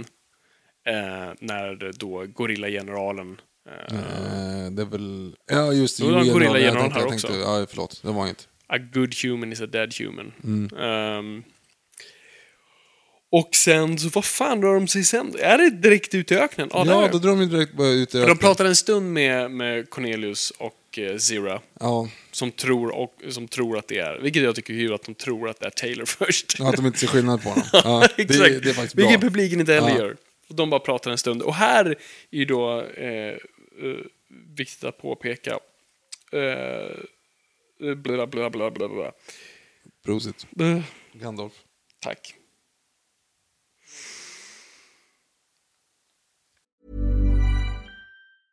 Planning for your next trip? Elevate your travel style with Quince. Quince has all the jet setting essentials you'll want for your next getaway, like European linen, premium luggage options, buttery soft Italian leather bags, and so much more. And is all priced at 50 to 80% less than similar brands. Plus, Quince only works with factories that use safe and ethical manufacturing practices. Pack your bags with high-quality essentials you'll be wearing for vacations to come with Quince. Go to quince.com slash pack for free shipping and 365-day returns. Many of us have those stubborn pounds that seem impossible to lose, no matter how good we eat or how hard we work out. My solution is PlushCare. PlushCare is a leading telehealth provider with doctors who are there for you day and night to partner with you in your weight loss journey. They can prescribe FDA-approved weight loss medications like Wagovi and Zepbound for those who qualify. Plus, they accept most insurance plans. To get started, visit plushcare.com slash weight loss. That's plushcare.com slash weight loss. Imagine the softest sheets you've ever felt. Now imagine them getting even softer over time. That's what you'll feel with Bowl and Branch's organic cotton sheets. In a recent customer survey, 96% replied that Bowl and Branch sheets get softer with every wash. Start getting your best night's sleep in these sheets that get softer and softer for years to come. Try their sheets with a 30-night guarantee. Plus, get 15% off your first order at bowlandbranch.com. Code BUTTERY. Exclusions apply. See site for details. Ja, McDowell. Roddy McDowell, tack. Det var det namnet jag letade. Roddy McDowell var, som var, eh, spelade... Men gud, jag har namn! Cornelius. Cornelius i första filmen var, kunde ej vara med i den här filmen, för han var och regisserade någonting i England. Mhm. Men han kommer tillbaka. Men här kastar man bara om, eftersom det egentligen är en apmask, så att du Mm. kunde sätta vem som helst i det. Eh, men då flyr då eh, astronaut nummer två och comebacket ut i öknen igen och eh, hittar en gammal tunnelbanestation. Det- De visar sig faktiskt vara i New York. De har inte riktigt samma så här... I'm, han säger också I'm home. Och så bara, mm, okej. Och så, så är det ingenting mer. Det var perfekt, de var exakt samma scen. Ja, you maniacs! You maniacs! Ja, det var det inte. Bara, eh, anekdot med den här filmen var att den startar ju med sista typ fem minuterna av förra Ja, gud, ja, filmen. absolut. Alltså, det är som att du har, har du inte sett förra filmen, så här, ah, här har vi en, en lång rerun. Mm. Alltså, du, du tar inte bara vad som händer lite grann, utan du har liksom alla scener från filmen. Ja. Eh, så att den, den fortsätter typ efter han har, typ, så, ah, han har konstaterat okej, jag är på jorden. Liksom. Mm, precis. Och sen så pratar de om att han vill kolonisera nya jorden med, med Linda Harrison. Så att, mm. Mm. Hur han nu har tänkt där. Sa, I will learn my children to talk, eller något sånt där. Det är Mm. någonting. Teach my. Precis. Eh, nej, men så de hittar en gammal övergiven eh, tunnelbanestation och eh, det leder dem då till typ en kyrka. Eh, och när de utför den kyrkan så får astronaut nummer två för sig att eh, försöka mörda Comebucket. Ehm, och vi fattar inte varför och sen då tar han sig in i kyrkan och där visar det sig finnas en hel ny mutantras av människor som bara kommunicerar telepatiskt. Det- Här börjar filmen ta en riktigt konstig turn. men det det- visar sig att de är en eh, religiös kult som dyrkar att, alltså den fadern, son, fadern, sonen och den heliga bomben. Eh, de dyrkar atombomben. De har en stor atombomb som står på altaret som de ber till. Vilket jag tycker är typ coolt. Ja. Men varför har de telepatiska krafter? För de är mutanter. Ja, men- som bär gummimasker. För under dem så är de alldeles då så muterade. Och det var också en fråga så här, hur muterat man kunde göra någon utan att det blev typ en eh, full frontal skräck. Googla inte det. Ehm, för det, det är ganska kul att se eh, sminktesterna. För det, gick från det riktigt så här läbbiga absurda till då det vi har nu. Som egentligen Som ser ut... Nej, det ser ut som en kåldoll med en kondom. Alltså det är... Mm, ja, det är inte mycket att Det är, inte, liksom... det är inte så mycket att hänga i julgran. Ehm, och... ehm, ja, nej, men så, så han kommer dit och då blir det en helt plötsligt en helt annan film. Som handlar då om de här människorna som dyrkar bomben och de gömmer sig från aporna och aporna är på väg dit för att starta krig. Och, Och det blir superpolitiskt för att schimpanserna, No war man! Ja. Det det, det är som att filmen, eller som produktionen, Sanek är ganska kul i så intervjuer efteråt, så jag förstod inte alls att filmerna var politiska. Han såg det som ren underhållning, så bara, What? I thought it was funny. Ja, ja. Ehm, Jag som 11-åring fattade att de var politiska. ja, nej men... eh, och här är det som att produktionen har fattat att så här, ah, vi var lite coola som var politiska i förra filmen. Let's not go so subtle this time. Så här har du ju som du säger, lite de här schimpanserna som bara Make love not war, det med skyltar som så blockerar gorillorna. Ja, är det lite väl in your Och man face ser att faktiskt. gorillornas hästar kliver på deras skyltar och de dras därifrån. Mm. Eh, likt Civil Rights Movement. Ehm, så de går ganska hårt på det. Och det är ju, än en gång, alltså kalla kriget osar ju i den här filmen. Ja, gud, men och Vietnam är det ju. Det är Och Vietnam, definitivt. Ju, det är ju mot slutet. Nixon har precis blivit vald. Precis. Nej, men så alla de grejerna. Men det blir en helt, alltså det blir mer typ en sci-fi skräckis. Det blir ju typ, alltså... eh, The Hills of Ice helt plötsligt. Eh, och jag gillar det någonstans och på ett annat plan blir det konstigt. På annat plan, det, är någon, det bubblar väldigt mycket konstiga grejer i den här filmen. Eh, men jag tycker det är roligt framförallt. Det är Alltså, underhållande. den, den, är, den är en tvåa, den är godkänd för att första halvan är helt okej. Men sen är det bara... What? alltså det... Ja, nej gud. Nej, Jag har inte mycket till övers för den här. Nej, för, för sen ställer man sig frågan, vad slåss vi om? Vad, vad handlar den här filmen egentligen om? Varför är aporna en sura? Vad är det de vill, varför är de så krigs, krigslystna? Alltså, vad är det de vill få fram? Vad gör vi i den här djungeln? Ja, exakt. Um, ja, och Charlton Heston då får, får sin eh, glorifierande död. Han trycker på atombomben Och vi spränger jorden. och spränger jorden. För att det, det igen. tydligen skulle ta eld på hela atmosfären. Av någon anledning. Av någon anledning. Och återigen, vi vet ju inte heller, det är fortfarande bara en stad vi har varit i i två filmer. Vi har ju ingen aning om, om människor kanske, alltså... Det är verkligen- som det här kanske pratade är om- New York. Alltså på, i Europa kanske fortfarande finns människor. Det är liksom tillbaka till det som vi pratade om i sci förut. Här, när du landar på en planet är du väldigt nära st staden där allt händer. Ja, ja men precis. Det hade ju kunnat vara vad fansken som helst liksom. Ja, nej, precis. Det, alltså, på andra sidan jorden kan kolibrin ha tagit över. Ja. Oh. Planet of the Colibris. 20th Century Fox, if you're listening, I'm available. Hummingbirds heter de dock, inte Colibris. Hummingbird, ja precis. Mm. Vänta, vad är kolibri? Ja, Det är kolibri, det är på svenska. Ja, det händer till kolibri. Så-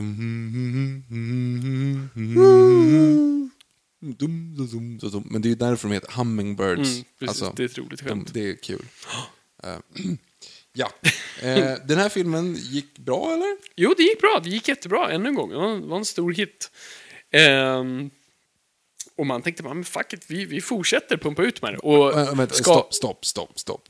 Jag, jag förstår att vi, ni vill att vi ska liksom göra en till film, vi vill ha fler apor, båda har gått bra. Charlton Heston vill inte vara med längre och vi, en note self, förstörde planeten i förra avsnittet. Ja, jag vet att vi, vi har, ni har lite problem där. Ni skrev in i ett hörn att ni sprängde faktiska planeten, men eh, ja, eh, lös det.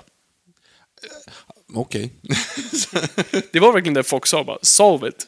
ja, gud. Och här, här märker man att de verkligen lärde sin läxa med att ha ett, öppet slut. Ja, men det, det, och det är liksom för öppet. Det är ju liksom så här, det finns ett ägg till inne i Madison Square Garden. Precis. Nej men så 1971 då, alltså ett år efter Beneath the Planet of the Apes, så släpper man då Babe, en gris kommer till stan. Eh, som då handlar om, nej just, oh, skit, just det. Escape of, from the Planet of the Apes. Ja, just, Just det. Men, vänta. Eh, eh, grisen, det är Babe. Ja, men det, den ena filmen är då två schimpanser får ett barn som föds. Och den andra filmen, fan det är samma sak där.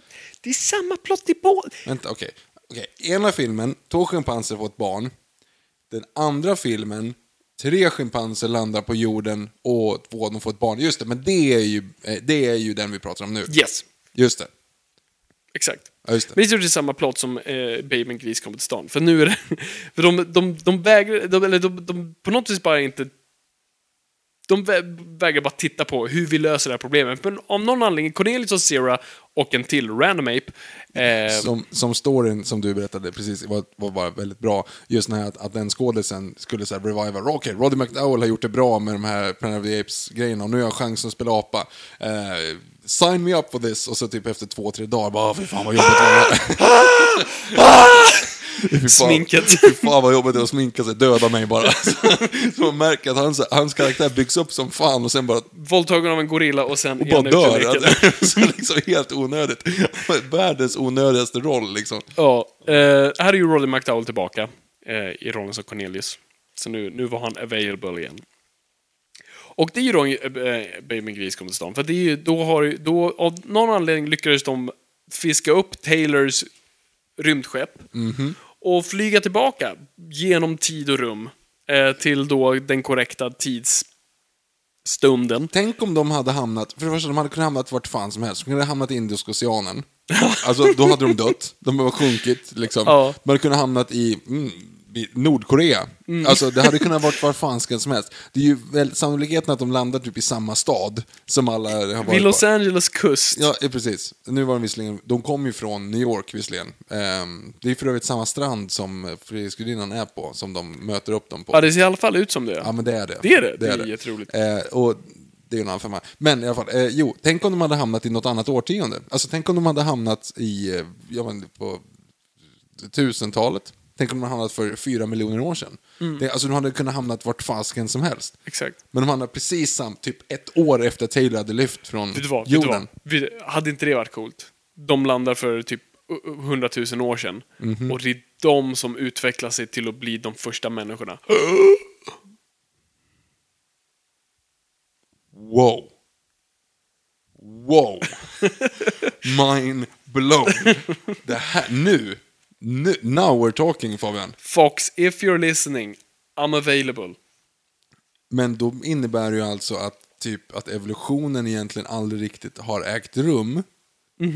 Att de åker tillbaka, för man har, man har ju listat ut att typ hela mänskligheten grundas tillbaka till typ en enda aphona för typ x antal miljoner år sedan.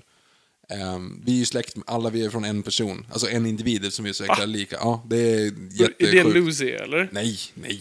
Eh, Lucy är egentligen en avvikande, hon är inte liksom direkt nedstigande led, hon är Hon är en ett freak. Eh, men, men det hade ju kunnat vara lite, alltså, det hade ju varit schysstare om det var Lucy för att alla vet vem det är. Eh, varför heter hon Lucy by the way? För de hörde Lucy in the Sky with Diamonds när de grävde upp, eller? Snyggt. Eh, det hade varit snyggt om de hade åkt då till för typ två, inte så mycket, men ett och ett halvt miljoner år sedan. Och sen att de typ så här, vet, fastnar i en, i en eh, eh, bädd med lera och så, så här, excavations senare och så döper de henne till Lucy. Det hade varit bra. Det hade varit coolt. Det hade varit coolt. Det borde vara så de hade gjort. Bra, det, det, ja, det är bra. Vi, Men så de, blev det de inte. rebootar igen då. Det, så Nej, blev det inte. nej, de hamnade i precis. 70-talet. De hamnar i 70-talet. Jordens Eh, fulaste klädstil. Japp. Ehm, och de hamnar då, ja precis, mitt i 70-talet, blir tagen av armén, uh, sätts i en bur ehm, och sen inser då människorna att de kan prata. Och eh, de blir typ en stor sensation. Det blir en, ett montage där de provar roliga hattar. Verkligen så att de provar kläder. Och det, det är min favoritscen. Då...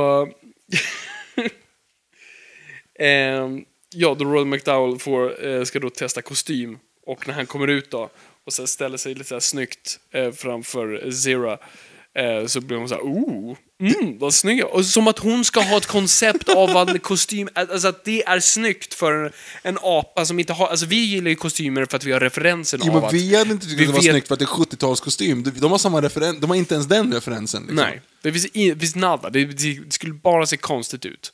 För troligtvis, alltså vi dras ju till kostymen dels för, för kulturella eh, anledningar, vi har lärt oss att det är snyggt, men också den framhäver ju de, de, de manliga dragen. Breda axlar, smal midja. Det är ju inte kanske de dragen som en apa nödvändigtvis dras till. Nej, troligen tvärtom. Till. Ja. Ofta så har de ju liksom ganska stora buttbellies. Normal ass, normal boobs, but a buttbelly. Det är Pulp Fiction. Ja, precis. Ehm, ja, precis. Ehm, och här märker du också, alltså, det är ju varför de är eh, i Los Angeles. Och, alltså, det här var ju ett, ett enormt smart sätt för produktionen att spara in pengar. Perfekt, vi behöver bara två apkostymer. Det är så, hur gör vi det så billigt och bara går? Vi lägger det, vi spelar in här. Men vadå, hur ska vi lösa det manusmässigt? här, I'm on this! Eh, ja, det, eh, för, det, för du märker ju sen då, de, du har bara råd med de där två, plus den eventuellt tredje som dör, på grund av då den så kallade gorillan, Ja. som vi ser eh, delar buren bredvid. Eh, vilket är den fulaste apkostym. Den, det, det, är som att de så här, okej, vi behöver en apkostym. Vad hittar vi en? Arnold Schwarzenegger här borta i studion bredvid, de håller på att filma någon Hercules-rulle. De har en gorilla i, i sin film. Ta den! Ser den bra ut? Skitsamma! Nej, Skit, bara plocka den. Det, ju- det ser ut att vara typ samma kostym. Den, den är ju ohiskelig alltså. Fast den i Hercules New York så går han ändå på alla fyra. Han försöker liksom likna någonting. I den här är det verkligen bara så här, ja men hallå, kom igen liksom. Han ser ingenting, det är som ett barn som sitter i den där. Ja, det ser jätteroligt ut. Eh, ja.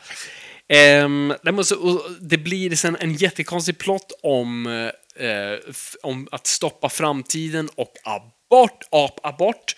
Eh, och så här, det blir prison break-drama. Det är många grejer de, de puttar in i den här. Ja, och så samtidigt den här om att, att historien är som en fyrfilig motorväg och beroende på om man byter, byter fil eller inte så blir framtiden som den... Äh. Alltså det, det ska bli jättefilosofiskt men det faller ganska platt faktiskt. Eh, ja. Helt klart. Och du märker att den är en helt annan ton. Alltså den är lite så här... Alltså rolig musik. Det märker du bara i början. Och så creditsen rullar liksom när, när du ser Roddy McDowell så dyker texten upp. Roddy McDowell. Alltså mitt i filmen. Bara sådär. Men, men Precis först- som i en sitcom. Ja, och så är det Rod McDowell och så är det hon som spelar Sarah, men sen det panorerar aldrig över på en tredje snubben som verkar okej, he's dead. Det skulle lika gärna kunna stå Dead! eh, det, det, det är en ojämn film, kan man väl minst sagt säga. Va, är det inte lite argumentation också? För han försöker, hon blir gravid, Ja. eh, och han försöker supa ner henne Japp. med grape juice. Yes. Eh, jag förstår aldrig att de inte drog skämtet GR Ape Juice. Det, Eh, japp. men, men, File that one. Men det är lite så här, han, han typ så här, ja, han är ond, han tvingar henne att dricka sprit när hon är f- gravid. Det är väldigt mycket konstiga stickspår i hela den där grejen. Och sen då med apan, att hon mer eller mindre offrar ett barn. Hon mördar barn. Ja, det gör den. Jo, men precis. För det- du har ju då den där plotten, för de går förbi en cirkus, eh, där då cirkusdirektören har en schimpans som precis fött ett barn. Eh, och det är gulligt, för att då försöker syrran lära den ungen säga mamma, men det går inte för de aporna kan ju inte prata. Eh, sen då föder hon sitt barn och de måste fly då. Och eh, här bygger man upp för twisten, man vill inte säga någonting. Och då säger de så här, ah, men innan jag går, jag vill säga hej då till, till den andra apan. Vilket inte etablerats Ja, någonstans. Nej, precis. Varför vill... ja, Okej, ja, gör det. Hon går in i buren och bara sätter sig och kollar lite så här pillemariskt på, på apan och sen klipper vi bort. Det som egentligen eh, händer där är ju baby swap. Eh, hon. Troll. Hon tar, ja det är verkligen eh, bortbytingen. Eh, hon tar då den andra apans barn, byter ut sitt eget, för i stort sett använder som decoy. Mhm. Den apan ska dö. Ursäkta, jag lånar ditt barn här utifall, för jag kommer troligen bli ihjälskjuten om bara några minuter. Så att, eh, jag tänkte att jag tar med mig ditt barn och blir ihjälskjuten. Är det okej? Vissa apor är mer jämlika än andra apor. Precis. Ehm, och det är ju det som händer. Den där apan, apan blir sönderpepprad av en MP5. Ja, och ganska grovt. Jättegrovt. Och de två dör då. Eh, och så får vi såklart i det här twistslutet, men som för en gång skulle öppet, att vi ser då den lilla apan sitta i sin bur och säga Mamma! Mamma! Den lilla apan, vad är det? Vad är det, Viktor? Äh, den vita apan, Djungelgeorge. Apan vän. Apan lagar frukost. Eh, det finns en, en scen jag verkligen tycker om här, som, som på något vis som ligger kvar, eller hela filmen har ju förvisso kvar den, den, den tematiska grejen. Här är ju människan definitivt antagonist. Det är inte lika öppet i de andra filmerna, men den här, människan är ju alltid det i slutändan. Här är definitivt människan antagonist. Och jag älskar scenen då Cornelius går på boxning. Ja, faktiskt. Och alla sitter där och bara hurrar och frågar typ honom så här, What do you think? Barbaric.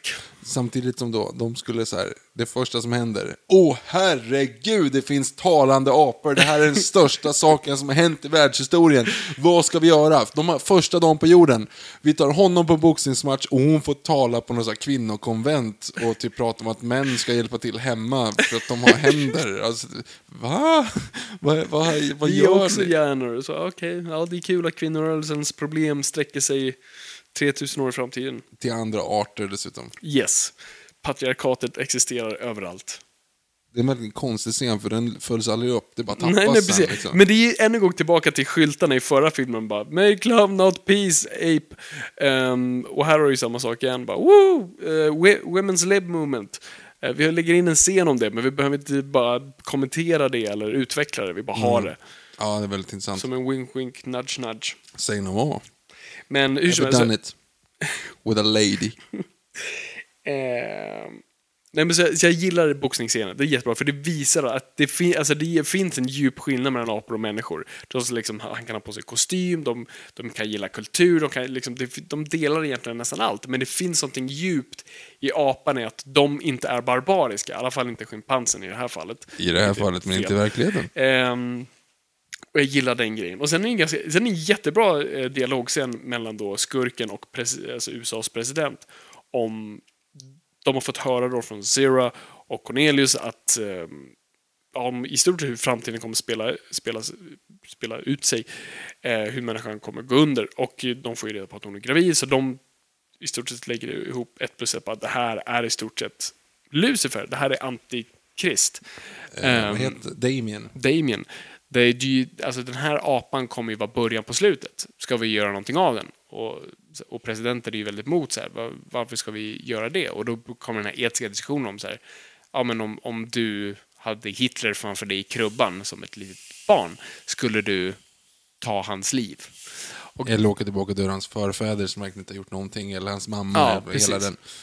De försöker hitta det, alltså de försöker hela tiden ha någon form av tanke bakom alla filmer, för alla filmer cirkulerar ganska hårt kring ett tema. Den här är bara allmän filosofisk, den här har Mm. Ja. egentligen inget riktigt tema på det sättet. Nej, nej, nej alltså, eller den bara flabbrar bort det lite. Det, det, den här grejen hade varit så intressant.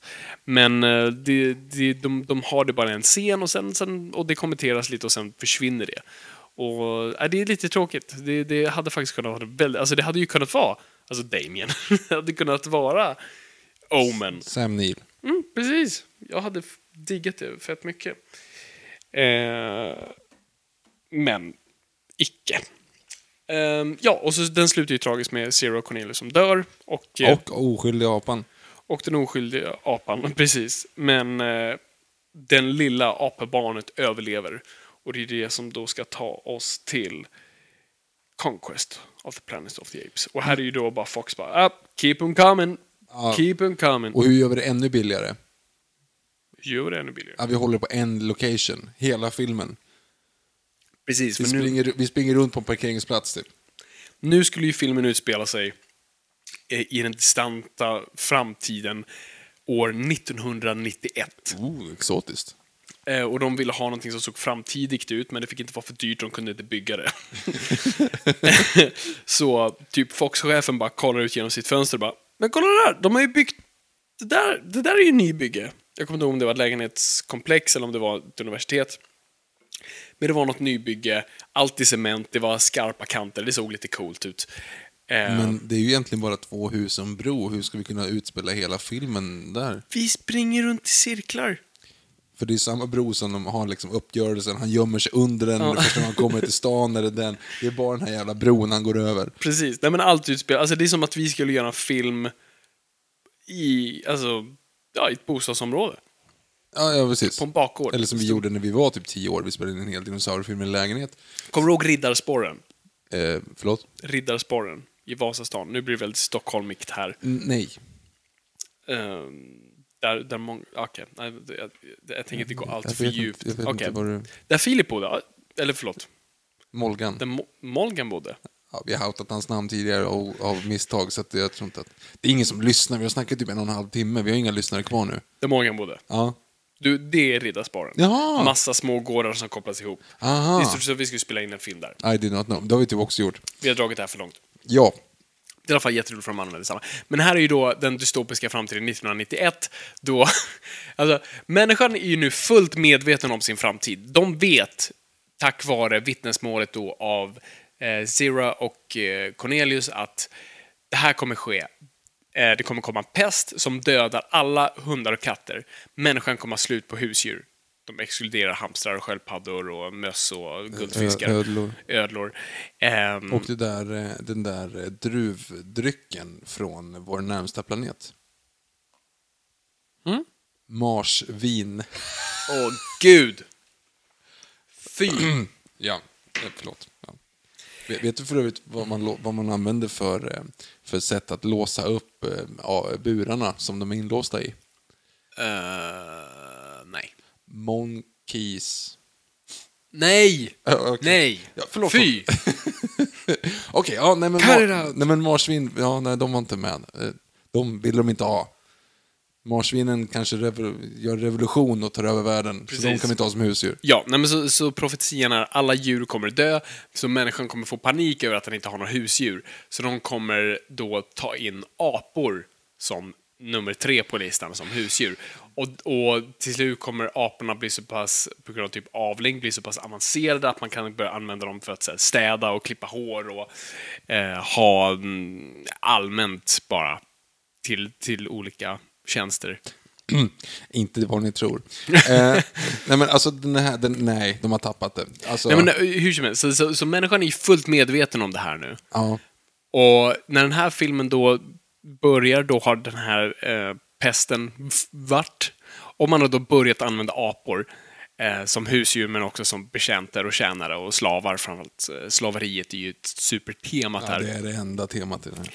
Ehm, men för att försäkra sig om att aporna inte revolterar så behandlar man dem som piss och piskar dem och torterar dem och avlar dem och gör de mest horribla sakerna mot aporna man skulle kunna tänka sig utan med ta- baktanken om att säga hmm, undrar om det här kommer vara motivation för dem senare. Nej, för man har ju fått dem att lära sig att ordet nej betyder nej. Att de får typ en pavlovianska reaktion. Det gör typ ont i dem när man säger nej till dem. Och eh, eld. Och eld. Vilket... Wow, Vad, vad kom du fram till här? Att, förstår du nu varför kung Lo är så besatt av eld? Han vill bara liksom, han vill kasta hela apriket under sig. Och han hittade ett en mansvalp som då, han vill lära sig hur man gör eld. Han vill underkuva världen. Det här är ju på andra sidan jorden va? det händer ju samtidigt. Vi, vi vet ju bara vad som händer i New York. Det här händer ju typ i Borneo liksom. Ja, faktiskt. Aldrig tänkt på. Aldrig Ja. tänkt på. Nej, det är sant. Vi är där. Ja. Ehm, ja, men... eh, ja, nej men så de har, människan har inte alls någon tanke på att så här, mm, det här kanske kommer spela in den här profetian förr eller senare. Aporna kanske inte kommer digga så mycket över det. Men, då har vi ju då Cornelius och Zeros barn som heter Caesar. Mm, exakt. Som då har tagits hand om då den här cirkusdirektören då som vi mötte i förra filmen som hade hand om eh, The Decoy Ape. Han från eh, Nakna Pistolen 33 och en tredjedel. Precis.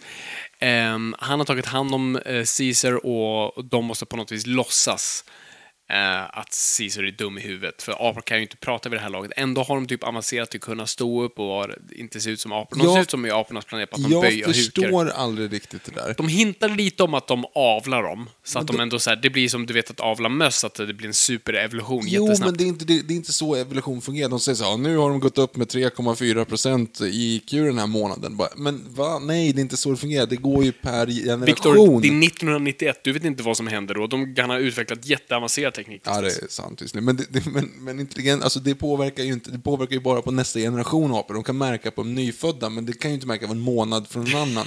Ah, ja, ja, ja. Ehm, Men det, det, jag, jag fattar aldrig riktigt. Ska, de, ska det verka som att de är apor? Alltså även är också i apornas planet. Då ska de väl inte vara apor, då ska de vara hybrider liksom.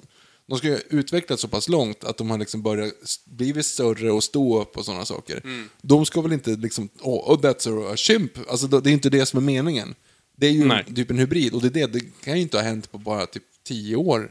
nej, nej, precis. Äh, det är en jättekonstig grej. Men hur som helst då, så Caesar går runt med cirkusdirektören, men under då en, en, eh, då en apa torteras offentligt på öppen gata så eh, skriker Caesar Take your hands off him you damn dirty human. Nej, han säger inte det. Typ. Eh, man säger bara humans, human scum någonting. Varför sa han inte? Det var väl inte en klassisk replik då antar jag. Nej, inte alls. Ehm, och eh, man får då typ, efter mycket om men får man reda på att han är ganska smart. Och att han är då den förlorade djävulsbarnet av Zira och Cornelius. Så att han blir ju då prioriteten att hittas på den här bakgården då hela filmen utspelar sig. För där bor guvernören också. Eh, Guvernören som typ styr jorden. Ja, det verkar så. För han säger verkligen If we do not get him, the whole world goes under. Här, Goes ape shit. Goes ape shit. Det säger han inte. Men det hade varit kul. Han behöver ju, han, det, det är några så här konstiga scener, du vet när han ska para sig. Han blir kär i en apa som Det, har är- det är min favoritscen. Då, då de ska så här, visa honom hans mate. Och hon verkligen sitter på sådär mänskligt förföriskt sätt som man gjorde bara på 70-talet. Där man sitter typ i en fåtölj med såhär benet lite såhär uppåt. Uh, I'm your Venus, I'm your fire, your desire. Och, uh, ja, och liksom blinkar med, med mascara-ögonfransarna. Och han går- blir lite såhär... mm. Alltså, än en gång, det bygger på att det är det människor tydligen går igång på, inte apor. Alltså hon skulle ju bara stått och liksom jag vet inte vad... vad Jag vet inte de står väl bara och hoppar. Tim Burtons film gör det där. Ja. uh. Och Caesar hade bara, bara tokmasturberat det där och då. Ja, det, det, det Men inget av det hände, utan det... Men vet du för övrigt då, eh, hon, du sa ju att hon var hans mate. Yes. Hon var ju då eh, playmate en viss månad, vet du vilken? Gud. Hon var då Miss Ape Rill. Nej, det var inte så kul. Nej, precis som filmerna så går det här bara neråt. Ehm, Jag har slut på skämt nu. good to know. Här är också, alltså, um, Rodney McDowells karaktär var ju död här, eh, Cornelius, Mhm. men han, eh, han fick rollen som Caesar, så han fortsätter. Han blir ju verkligen household name här. Alltså, han är ju franchisen. Värt att nämna är ju att Yes. det här är från 1972. Ja. Det vill säga, det var fyra år sedan original. Eller ja, fem. Men alltså, det är ju, det är ju allt, alla de här liksom, fem filmerna görs på sex år. Jag vet, det är alltså, det, det är liksom, Man tänker så, ah, Ron McDowell återvänder, bara, men han har typ aldrig gått därifrån. liksom, han, är fortfarande kvar, han har fortfarande kvar sminket som första filmen. Liksom. Precis. Eh, och budgeterna går bara ner. Eh, här har vi också mycket plastmasker, Japp. för övrigt. Eh, Ja. Ja, De gör, han gör ju revolution. Han får ju... Ja, alla- alltså, är, är det revolution? Det är ju det. Han, han börjar ju sen... eh, Det är ju, vi fattar ju ingenting. Nej. Han blir lite arg och ledsen, rymmer. Typ ser den här honan som bara kör sin You can leave your hat on eh, blick. Och sen, sen går han typ iväg. Och så klipper vi och sen har han börjat starta aprevolutionen. Ja. Vilket i stort sett bara utspelar sig som Home, home Alone. Ape Alone. Ape Alone. Ape Alone. Man ser en massa apor som gör lite olydiga saker. Ja, ja, ja, och sen så att de är nere i armoryt där. Mm. De där Eh. snor vapen med sig. Och när de tror att då när, när eh, de, de känner väl att här, den här scenen blir för mycket straight forward så att de ska få då att han har någon sån här bump in the row, att han blir, han blir typ tillfångatagen, eller vad är det riktigt som händer? Ja, Precis, de bli- torterar honom en gång. Ja, och han låtsas bli död och sen sådär. Mm. Eh, Men sen så visar att han bara kommer tillbaka, slår upp portarna i slow motion och eh, Eh, den andra apan kommer fram och säger någonting på alviska och säger att det här kommer inte fungera. Han säger I shall die as one of them. Eh, Men grejen, när de väl, den rustar de upp sig. Men problemet som man ser med hela den här filmen, det är ju att apen, det är helt inkonsekvensa i hur smarta de andra aporna är. Aporna är ju, är ju korkade, det är det filmen presenterar dem som. Vilket också får mig att bara ställa frågan, varför vill människan ens ha dem? För de är, hela första akten går ut på att de bara är i vägen och gör fel. Ja, men... De kan inte klippa hål, eh, hår, de kan inte servera, de kan inte hälla upp vatten, får vi reda på. Men, men det är det, för det är ju samma apor, det handlar ju om typ en vecka, filmen utspelar sig under en vecka. Mm. Alltså i början på veckan, då kan aporna inte, de kan inte klara av att hälla upp ett glas vatten. På slutet, då har de typ organiserat en revolution, kan typ kommunicera med varandra och hantera vapen. Mm. Alltså det är helt sjukt. Och sen om tio år i nästa film, då, då kan de till och med debattera typ Alltså, fysik. ha- har, Men- Och också, bara, en gång, människans reaktion. Har du sett vad som händer med människor när wifi inte fungerar? What's happening? Det krävs inte mycket error för att vi ska bara kasta ut underverk ur fönstret och bara säga Fuck you! Ändå så låter man de här aporna bara här- härja omkring och sabba saker. Ja, För att man har slut på hundar och katter. ja, ja. Ja, det är intressant. Är i alla fall, då- Och ändå då så kan de lyckas göra en revolution, börja hantera vapen och smuggla. Vem håller du på den här filmen? Jag vet inte. Cirkusdirektören. Nej, men det är det som är så sjukt, för de hade fått så mycket mer sympati. Alltså grejen är så här, hela filmen, det är inte ens en film, alltså egentligen, det är liksom ändå, han, han blir sur, han mobiliserar, det blir en fight och den är slut. Filmen är slut. Alltså, när han börjar mobilisera, då blir han nu ond. Alltså han börjar mörda oskyldiga människor. Yes. Han går ju omkring bara liksom och får och organiserar alla för att skjuta dem. Och han säger också det så här, vi måste underkuva människan. Det, det, de säger emot allting som den första filmen säger. Det Absolut. vill säga att människan är den onda, det är människan som förstör varann. Precis, människan inte, eller apan är inte kapabel till våld näst, Ja, men, och det, och det, så, det blir så fel, för den här vänder ju på allting. Det är ju väpnad kamp. Mm. Det är ju liksom, hey comrades, come rally. Det är, bara, det är bara den grejen. Ja. Och det, det, det fuckar ju upp. Det blir ju helt åt, åt fel håll. För att man håller ju inte på honom. Han bara, vad gör, vad gör du? Varför kommer du in och tror att du liksom, nu, nu tar vi upp alla apor, vi ska ta ner dem och de ska bli våra slavar och de ska inte få existera. Vi ska underkuva dem och piska dem i all evighet. Men någon borde räcka upp handen bara så här, men det är det de gjorde mot oss och vi var jättearga. Vi borde ju typ bara sträcka ut en hand. Alltså, Kill him! ja, men precis. Det är så, o, alltså, det är så onödigt. Och jag håller, jag håller inte på dem. Nej. Jag tänker bara så här, men vad fan, de går apeshit. Skjut dem, det är bara bra att bli av med dem. Precis, nej, den här filmen fungerar inte särskilt bra eh, alls. Den har en bra scen som på något vis då, som, som, som då är det, det du precis säger, motverkar allt som har byggt upp, men är en effektiv scen. Och det är hans tal på slutet. Fast det är ju en efterhandskonstruktion. Nej, inte, det första delen av talet är väldigt, alltså det är en jättebra prestation av, av uh, Ronald McDowell, som man måste säga, han är bäst i den här filmen. Han är skitbra. Jag tycker han gör en jättebra grej med Caesar och han gillade verkligen det han lyckades göra med Caesar. Och jag gillar det han gör. Han, han, han liksom kan framföra väldigt mycket känslor. Han gråter ju, han har en gråtscen, han får det funka i den där konstiga masken. Och han håller det supertalet på slutet. Eh, framför den här generalen eller nu när. Ehm, och det är ett stort satans brandtal och det brinner i bakgrunden. Han håller liksom, vi ska, vi ska döda dem, vi ska slita dem i stycken, vi kommer bränna ner det här, den här världen och bygga upp någonting nytt igen. Tills då, eh, producenterna fick här väldigt kalla fötter.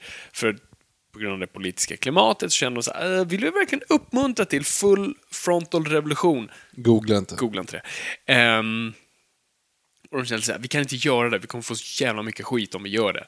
Så att vi har, han håller hela brandtalet så här, vi kommer mörda, vi kommer slita. Och sen kommer May till, George Bush drink the blood of every woman, child in Iraq. och sen kommer han på en tight close-up där vi inte ser hans mun. Och så säger han, but och sen går det så här, but not today!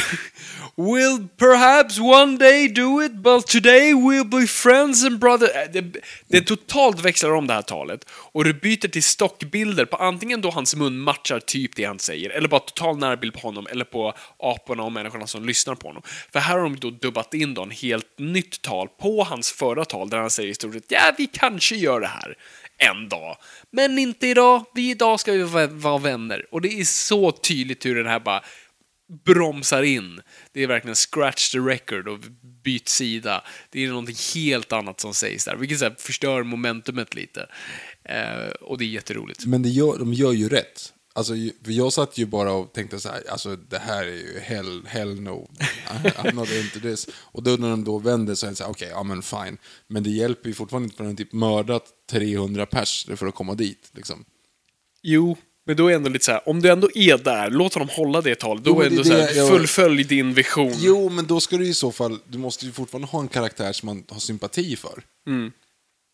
Ja, det hjälpte inte så mycket, men, men ja. Ja. Ja, ja. Ja, ja. Ehm, ja, nej men så, så ja, det, det, det, det, det mhm. Ronald McDowell skitbra, filmen är väl lite, lite ojämn, kan man väl lugnt ja, säga. är jätteojämn. Men den leder oss väl då, då till den sista filmen i den första serien. Mhm. Som är då Battle for the Planet of the Apes. Som vi lugnt kan säga är den sämsta. Ja, verkligen. Ja, det var inte alls någonting att ha. Då är vi då i framtiden, eh, som nu ser ut som egentligen det såg ut på när Charlton Heston kom. Men det utspelar sig fortfarande 2000 år tidigare. Vi följer fortfarande Caesar, som nu byggt upp ett nytt samhälle. Det här är tydligen efter kärnvapenkriget som också dök upp mm. plötsligt. Jo, och det är bara namedroppar de så här, "Ja, just det, och de, de blev arga på aporna så nu ska de börja skjuta kärnvapen. Men vadå? Men då, då gör du ju fel. Då är det ju inte Humaniacs Nej, up. precis. För då sköt de ju mot någon som försökte ta över världen av dem, så det är ju inte alls det. Så du, du underminerar första filmen, och det är det jag tycker är så jävla synd. Så jag, det här är liksom, you're not my planet of the apes. Alltså, är jag ingen om varken tvåan, trean, fyran eller femman. Ja, tycker jag. två, ja, tvåan köper jag. Nej. Jo, det är ett jättebra slut. De bara spränger skiten. Så, klart. Ehm, nej, men det här funkar inte alls. För att eh, du har Caesar då och eh, han är i konflikt med gorillorna. Eh, men så finns det också ett externt hot, vilket är andra mutantmänniskor, inte samma mutantmänniskor från tvåan. Jo, det är det är ju. Det här är ju första generationen. Ah. För de, inte heter ju. Mendes också. Jaha, jag missade det. Ja, men nej, I tvåan så går de omkring, det är ju- de har ju massa byst. ståendes. Som, som gorillorna kommer att slå sönder. Yes. Och det är ju, måste ju vara en av dem där, är väl säkert den där nissen då. Som var Ja, med men det är från mycket början. möjligt då. Let's go with Dock, it. dock så att de har sa- haft samma typ av ledare i 2000 år. Det, det är bra jobbat. Nej, men det handlar om... eh, Då, ska Caesar först då ta sig ut i den förbjudna zonen för att han vill hitta ljudfilen från hans föräldrar. De förklarar hur, hur apornas planet blir apornas planet. Han tar sig dit, det visar sig finnas mutanter där. De blir så här, "Äh, apor, vi ska mörda dem. Och så blir det krig mellan apor och män. Och någonstans där dör Caesars son också, och tack vare gorillageneralen. Och... John Huston är med, Vem? som en gammal apa. Han som berättar hela storyn. Jaha. 600 år i framtiden. Kända regissören, Maltese Falcon, Chinatown. I do not know. Ehm, var alltså med Chinatown, han gjorde inte Chinatown. Um, spelar gammal apa. Ehm, I Chinatown? inte i, inte i Chinatown, det hade varit kul. Ehm, men ja, nej, det är en värdelös film. Den har en sån otroligt slow build-up till en actionsekvens de inte har råd med. Nej. Så det är bara bilder de tar om och människor som, och apor som går mot varandra. Eh, explosioner i close-ups, så de inte råkar bränna upp någon apdräkt. Eh, och som de bara använder dem gång på gång. Ja, Det är värdelöst. Det är ingenting att ha överhuvudtaget. Vi skiter i den här. Alltså faktiskt, nej men Det enda, det enda jag tycker är roligt med den här är att det- här ser man att de har exakt samma kläder på sig som de har då i Charlton nästa version, vilket betyder att de inte, deras mode eller kultur har inte förändrats på 2000 år i framtiden. Språk, ingenting, ingenting har förändrats på 2000 år. Däremot har det hänt jävligt mycket de senaste 15. Nada. Jävlar vad det hände. Shit vad saker hände. Ja, Ja, nej men det... Ja, nej, det, det suger. ja verkligen. Mm. Men då, efter den här filmen 1973, då börjar verkligen kidsen haka på. Eh, För inför den här filmen så tror jag CBS visar alla filmer typ på raken på, på deras kanal som film. Och det blir typ en av de mest sedda eventen någonsin. Alla ser det. Och framförallt barn går superigång på det här. Så eh, leksaksbolag börjar licensiera fr- franchisen och börjar eh, börjar släppa leksaker. Och det säljer som smör i sopor. Vi fick jättemånga jättebra svar. Ja, men jag kommer inte ihåg ett enda. Vi är dåliga. Jo, men det var... Jo, Jo, jo, vänta. jo, det säljer jättebra. Ja. Eh, det vill säga, säljer, punkt, bort med det. Och sen eh, som, alltså, så kortar man ner som smör smälter i solsken. Så man säljer som Mm. Precis. smör i solsken. Som, Så så var det. smör i solsken försvinner. Och saker man säljer försvinner också eftersom många köper dem. Där var det. Exakt. Ehm, så är det med de här leksakerna. Framförallt eh, företaget Migo som, eh, som säljer de här leksakerna som var enorma. Så om, om det var någonting som gjordes så var det Migo som gjorde det. De var enorma. De gjorde Batman framförallt.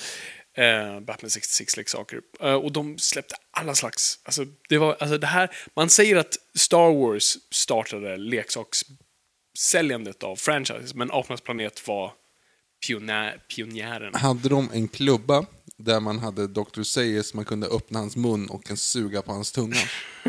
Jag tror inte de kom så långt med. Nej, då vinner Star Wars. Då vinner nog kanske Star Wars.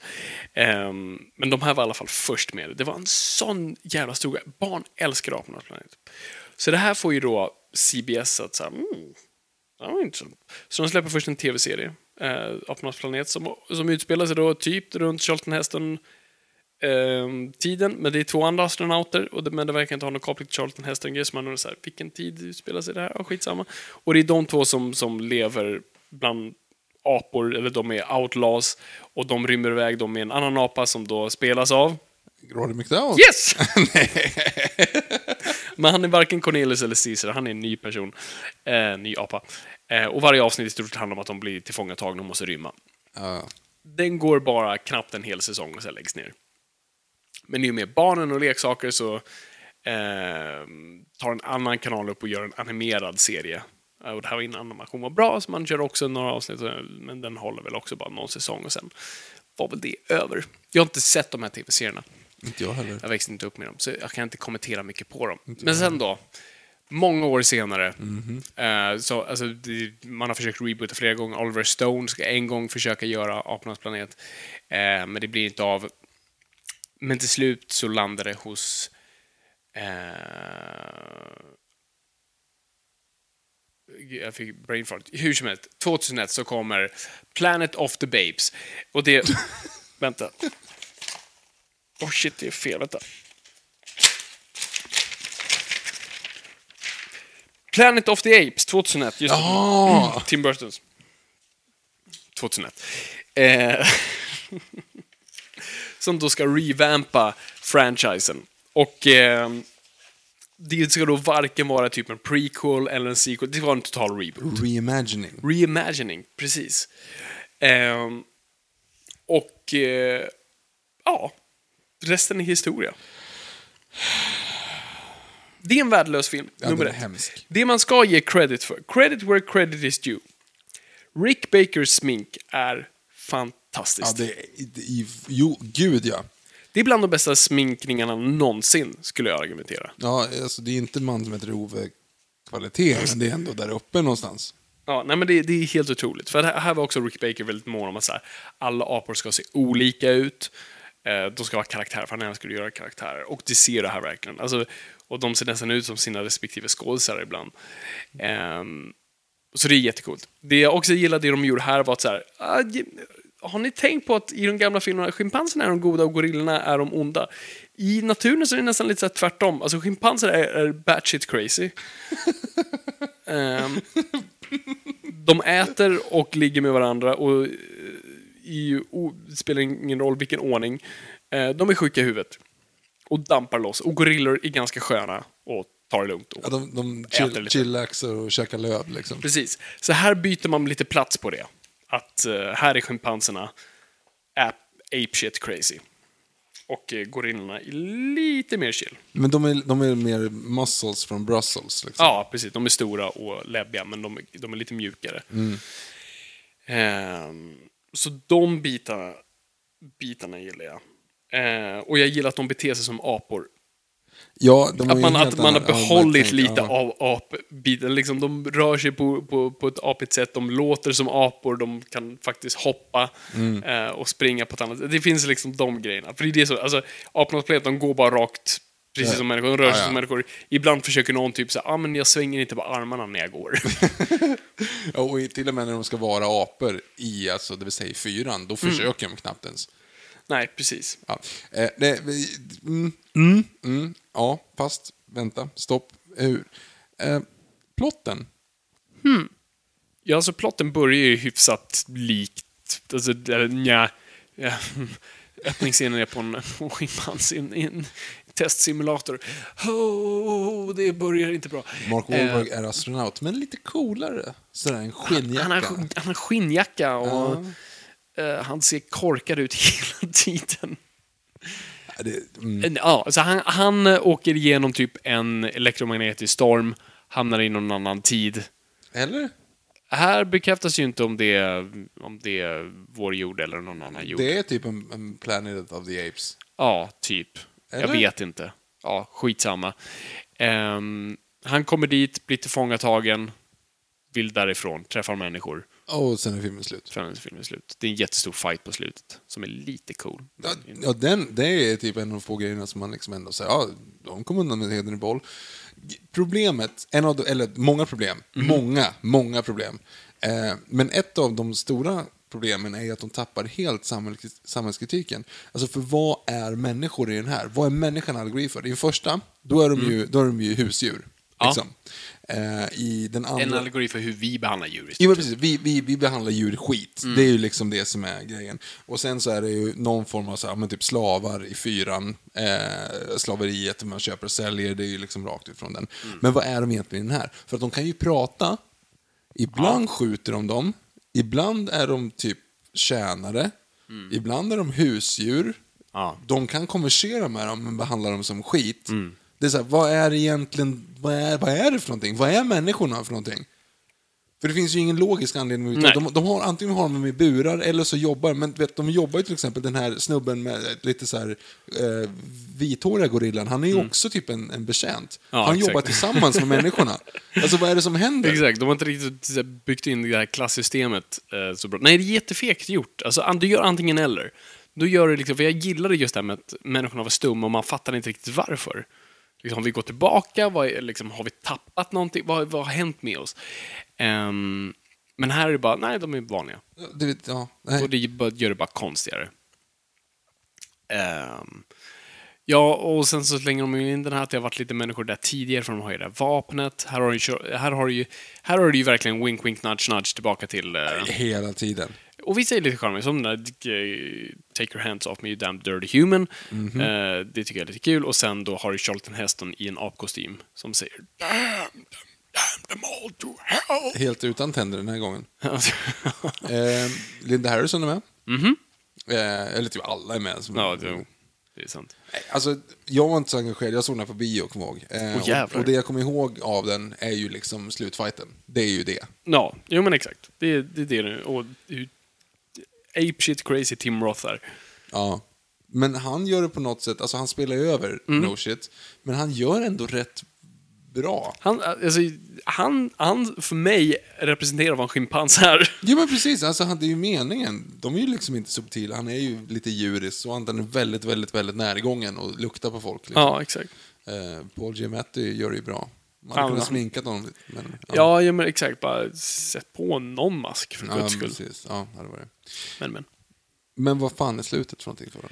Ja, slutet är ju så många debatterat. Vad fan är det där satans slutet? Det är ju då eh, Mark Wahlberg tar ett skepp, åker in tillbaka i solstormen, landar i Washington DC. Det visar sig att Thade är det universumets, Thade och Tim Roths apkaraktär, är Abraham Lincoln. Uh, Ehm, och det kommer massa apor och ja, appoliser och apfotografer. Det är liksom, hela världen är populerad av apor igen, fast är vår värld. Som är lite mer lik slutet då i Bulls bok. men vad betyder det?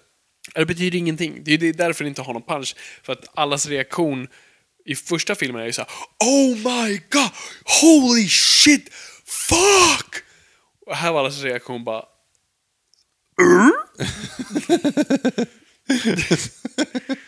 Ja, jag, jag, jag, håller med. Alla var bara clueless, inklusive mig. Jag först, alltså, jag, man fattar alltså, Det ger ingenting mer än så här, det är en twist. Eller? Eller? Det- Vi vet inte riktigt. det, har, de, har, han, har han huggit av huvudet av Abraham Lincoln och satt dit sitt eget huvud? Eller har han eh, sett till att den där byggts då på Vis, samma visste du ställe? om, om det där när du sa det?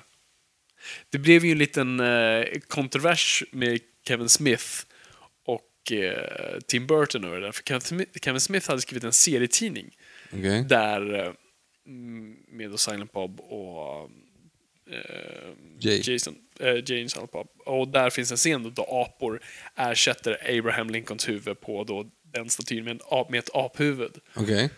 Och tydligen då så en, journalist som hade läst den ringde Kevin Smith och, sa liksom, hej har du någon kommentar på det här? Det var kastnot till slut och han skojade lite ja gud jag är fly förbannad, ha ha ha. Och eh, tydligen tog Tim Burton skit illa upp över det här och det blev en jättestor dispyt mellan de två. Hoppla. Eh, det är jätte, den, fin, den fanns eh, på YouTube förut, då Kevin Smith förklarar den här storyn eh, under en av sina talks. Och det är så roligt för att eh, det, visar sig att eh, Tim Burton tar väldigt illa upp över en sån här skojgrej. Och det blev en väldigt rolig incident med Tim Burtons assistent som heter Bumble Ward. Jättebra Eh, vilket är såklart att Tim Burtons assistent heter Bumble Ward. eh, ja, ni får kolla upp den själva. Men eh, Men är det ett avhugget huvud eller är det hela nya Nej, det, statyn? det är en helt ny staty. Du ser, han har ju aphänder och alltihop. Han har det? Ja. ja. Eh, och jag tror det står Thay där i bakgrunden. Men det gör ju det, men det kan inte som skriva något nytt. Inte vet jag. Ja, ja. Eh, nej, det är ett jättekonstigt slut. Eh, och det är bara Mark Wahlberg som, som andas med öppen mun och bara ser ut som han Förvirrad. alltid gör. Ja.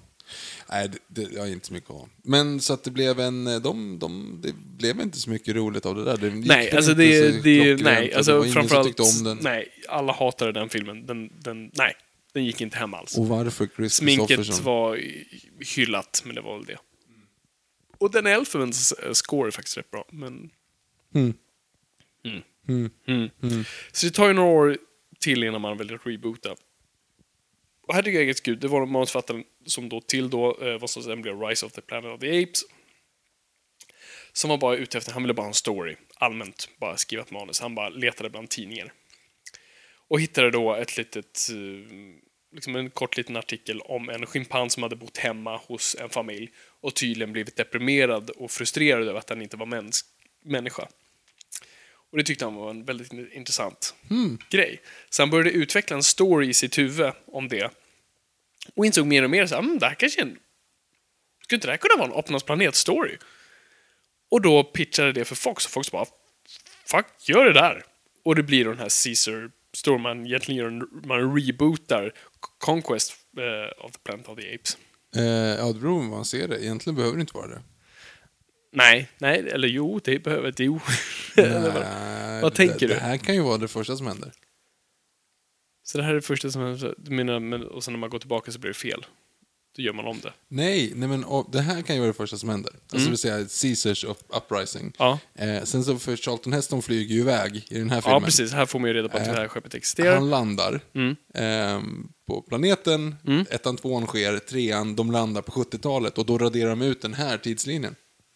Okej, ja, men det, ja, det, det var det jag tänkte. Ja, Ja. precis. Ja, men absolut, det kan hända. Så det är gott. Ja, absolut. Eh, men det är det jag gillar med den här filmen. Att den kommer utifrån, den kommer inte från ambitionen av att göra en Apornas planet-film, den kommer från ambitionen av att göra en story. Och det, alltså när jag, när jag först såg ad-kampanjen och, och sen när jag såg hela filmen så bara, det här kommer inte funka, det här är en jättebra film. Men ingen kommer vilja se det här. Apornas planet, förlegat, nummer ett. Vem fan kommer vilja se, alltså det är ju typ en och en halv timme av bara Caesar hemma med en Alzheimer-sjuk snubbe och James Franco, Frida Pinto. Jag, Och sen är det typ 30 minuter av apeshit. jag, jag tyckte att den var jättefin. Jag tycker den är skitbra. Och Den, sån här, den här visade jag min farsa. Och han tyckte det liksom, han fullkomligt älskade den. Eh, och, och, um, nej, jag tycker det, alltså, det, Andy Serkis är fantastisk. Give that man an Oscar. För guds skull, kasta honom en i nyllet för guds skull människor.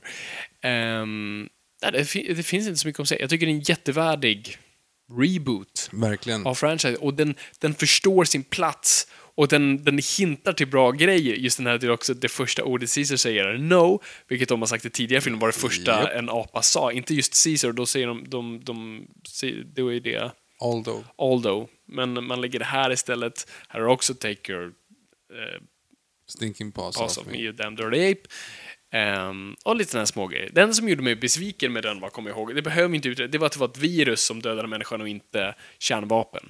Det kan ju fortfarande ske, men Mm, just det, men det är väl kanske det som händer i War då. Alltså, ja, jag hoppas nu att sista slutar med det. ja. kan komma in på det. Men man förstör ju sig själv också med det viruset. Ja, jo men precis. Eh, nej, men så jag tycker en jättebra, stabil film. S- har en egen story att berätta, har egna idéer, rör en franchise framåt, introducerar den för en ny publik. Den, den grundar sig i karaktär. Jag vill se liksom, vad som händer med Caesar. Vilket är fantastiskt att, att en franchise gör det. Alltså, särskilt Apornas planet-franchise kanske inte varit så karaktärsdriven. Nej, inte det minsta. Ehm, det tycker jag är ascoolt. Så jag har inte så mycket mer att säga om den. Egentligen inte jag heller, jag tycker den är jättebra. Eh, tvåan däremot. Dawn of the Planet of the Apes. Största problemet med den här filmen är, alltså jag tycker den är stabil. När jag såg den så bara, ah, det här är en bra film. Den är- ja, men det är väl det gör som är grejen. Så det är, det är inget problem med den, så det är ju inte dålig film för mig. Än, än en gång, den berättar en ganska minimalistisk story. Jo, det är det jag har Men- lite problem med i ett sånt här läge. Exakt.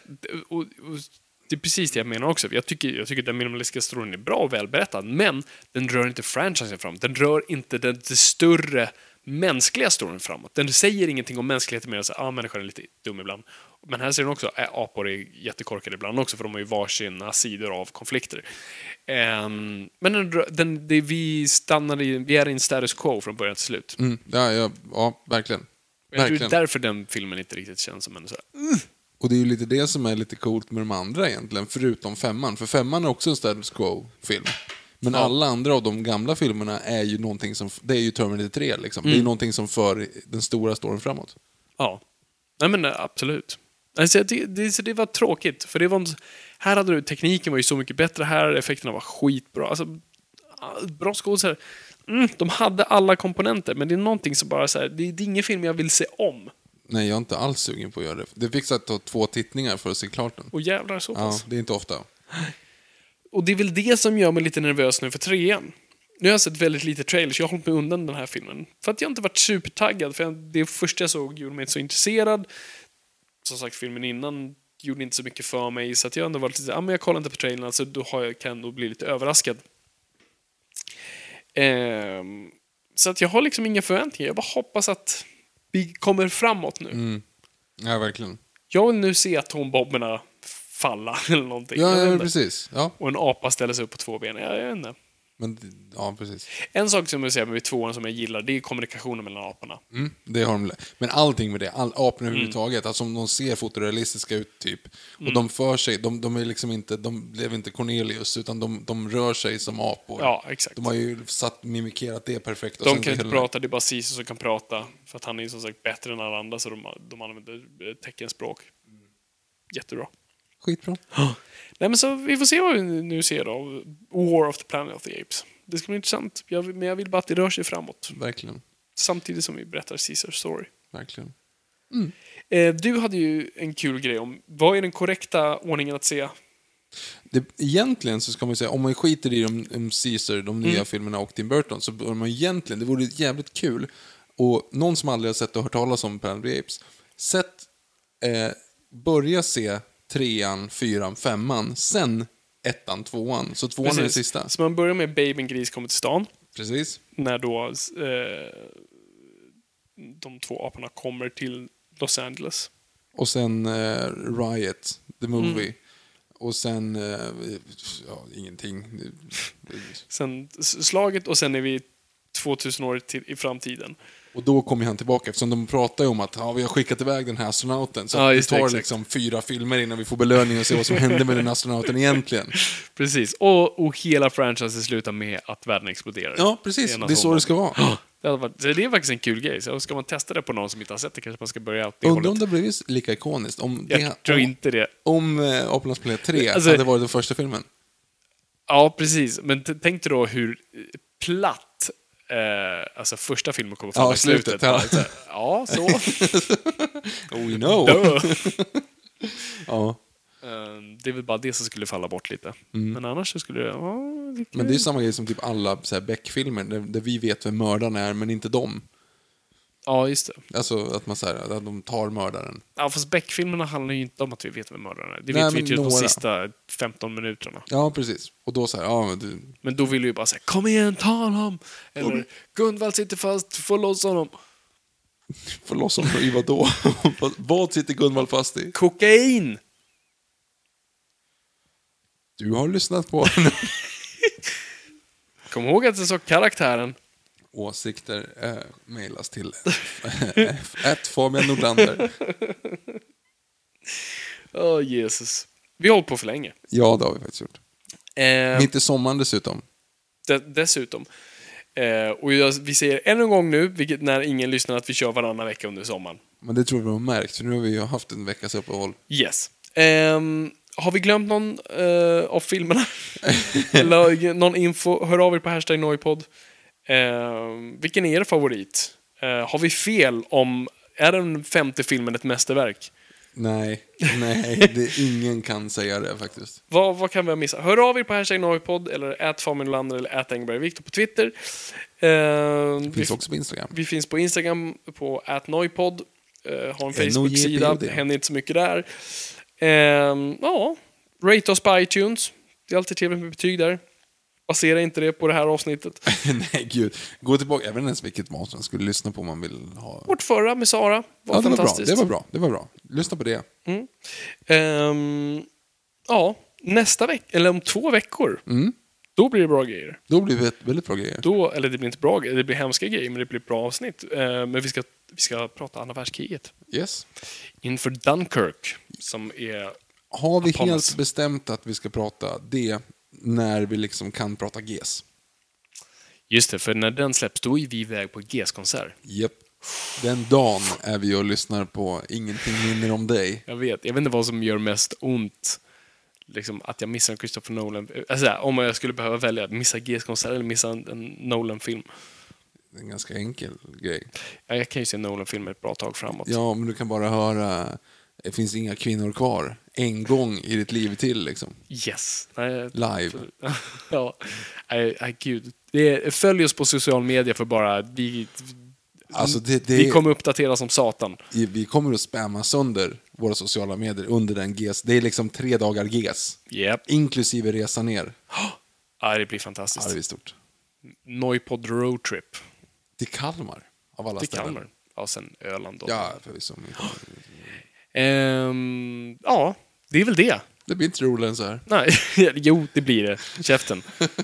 Om du är första gången lyssnare. Det blir så mycket roligare än så Inga här. första gången lyssnare kvar fortfarande. Nej, det är de inte. Ehm, Okej. Tack. Ja, vi, vi bommar igen det här va? Det gör vi. Tack så jättemycket för att ni har lyssnat. Det är kul att lyssna. Kom ihåg gott folk, ingenting är för nördigt.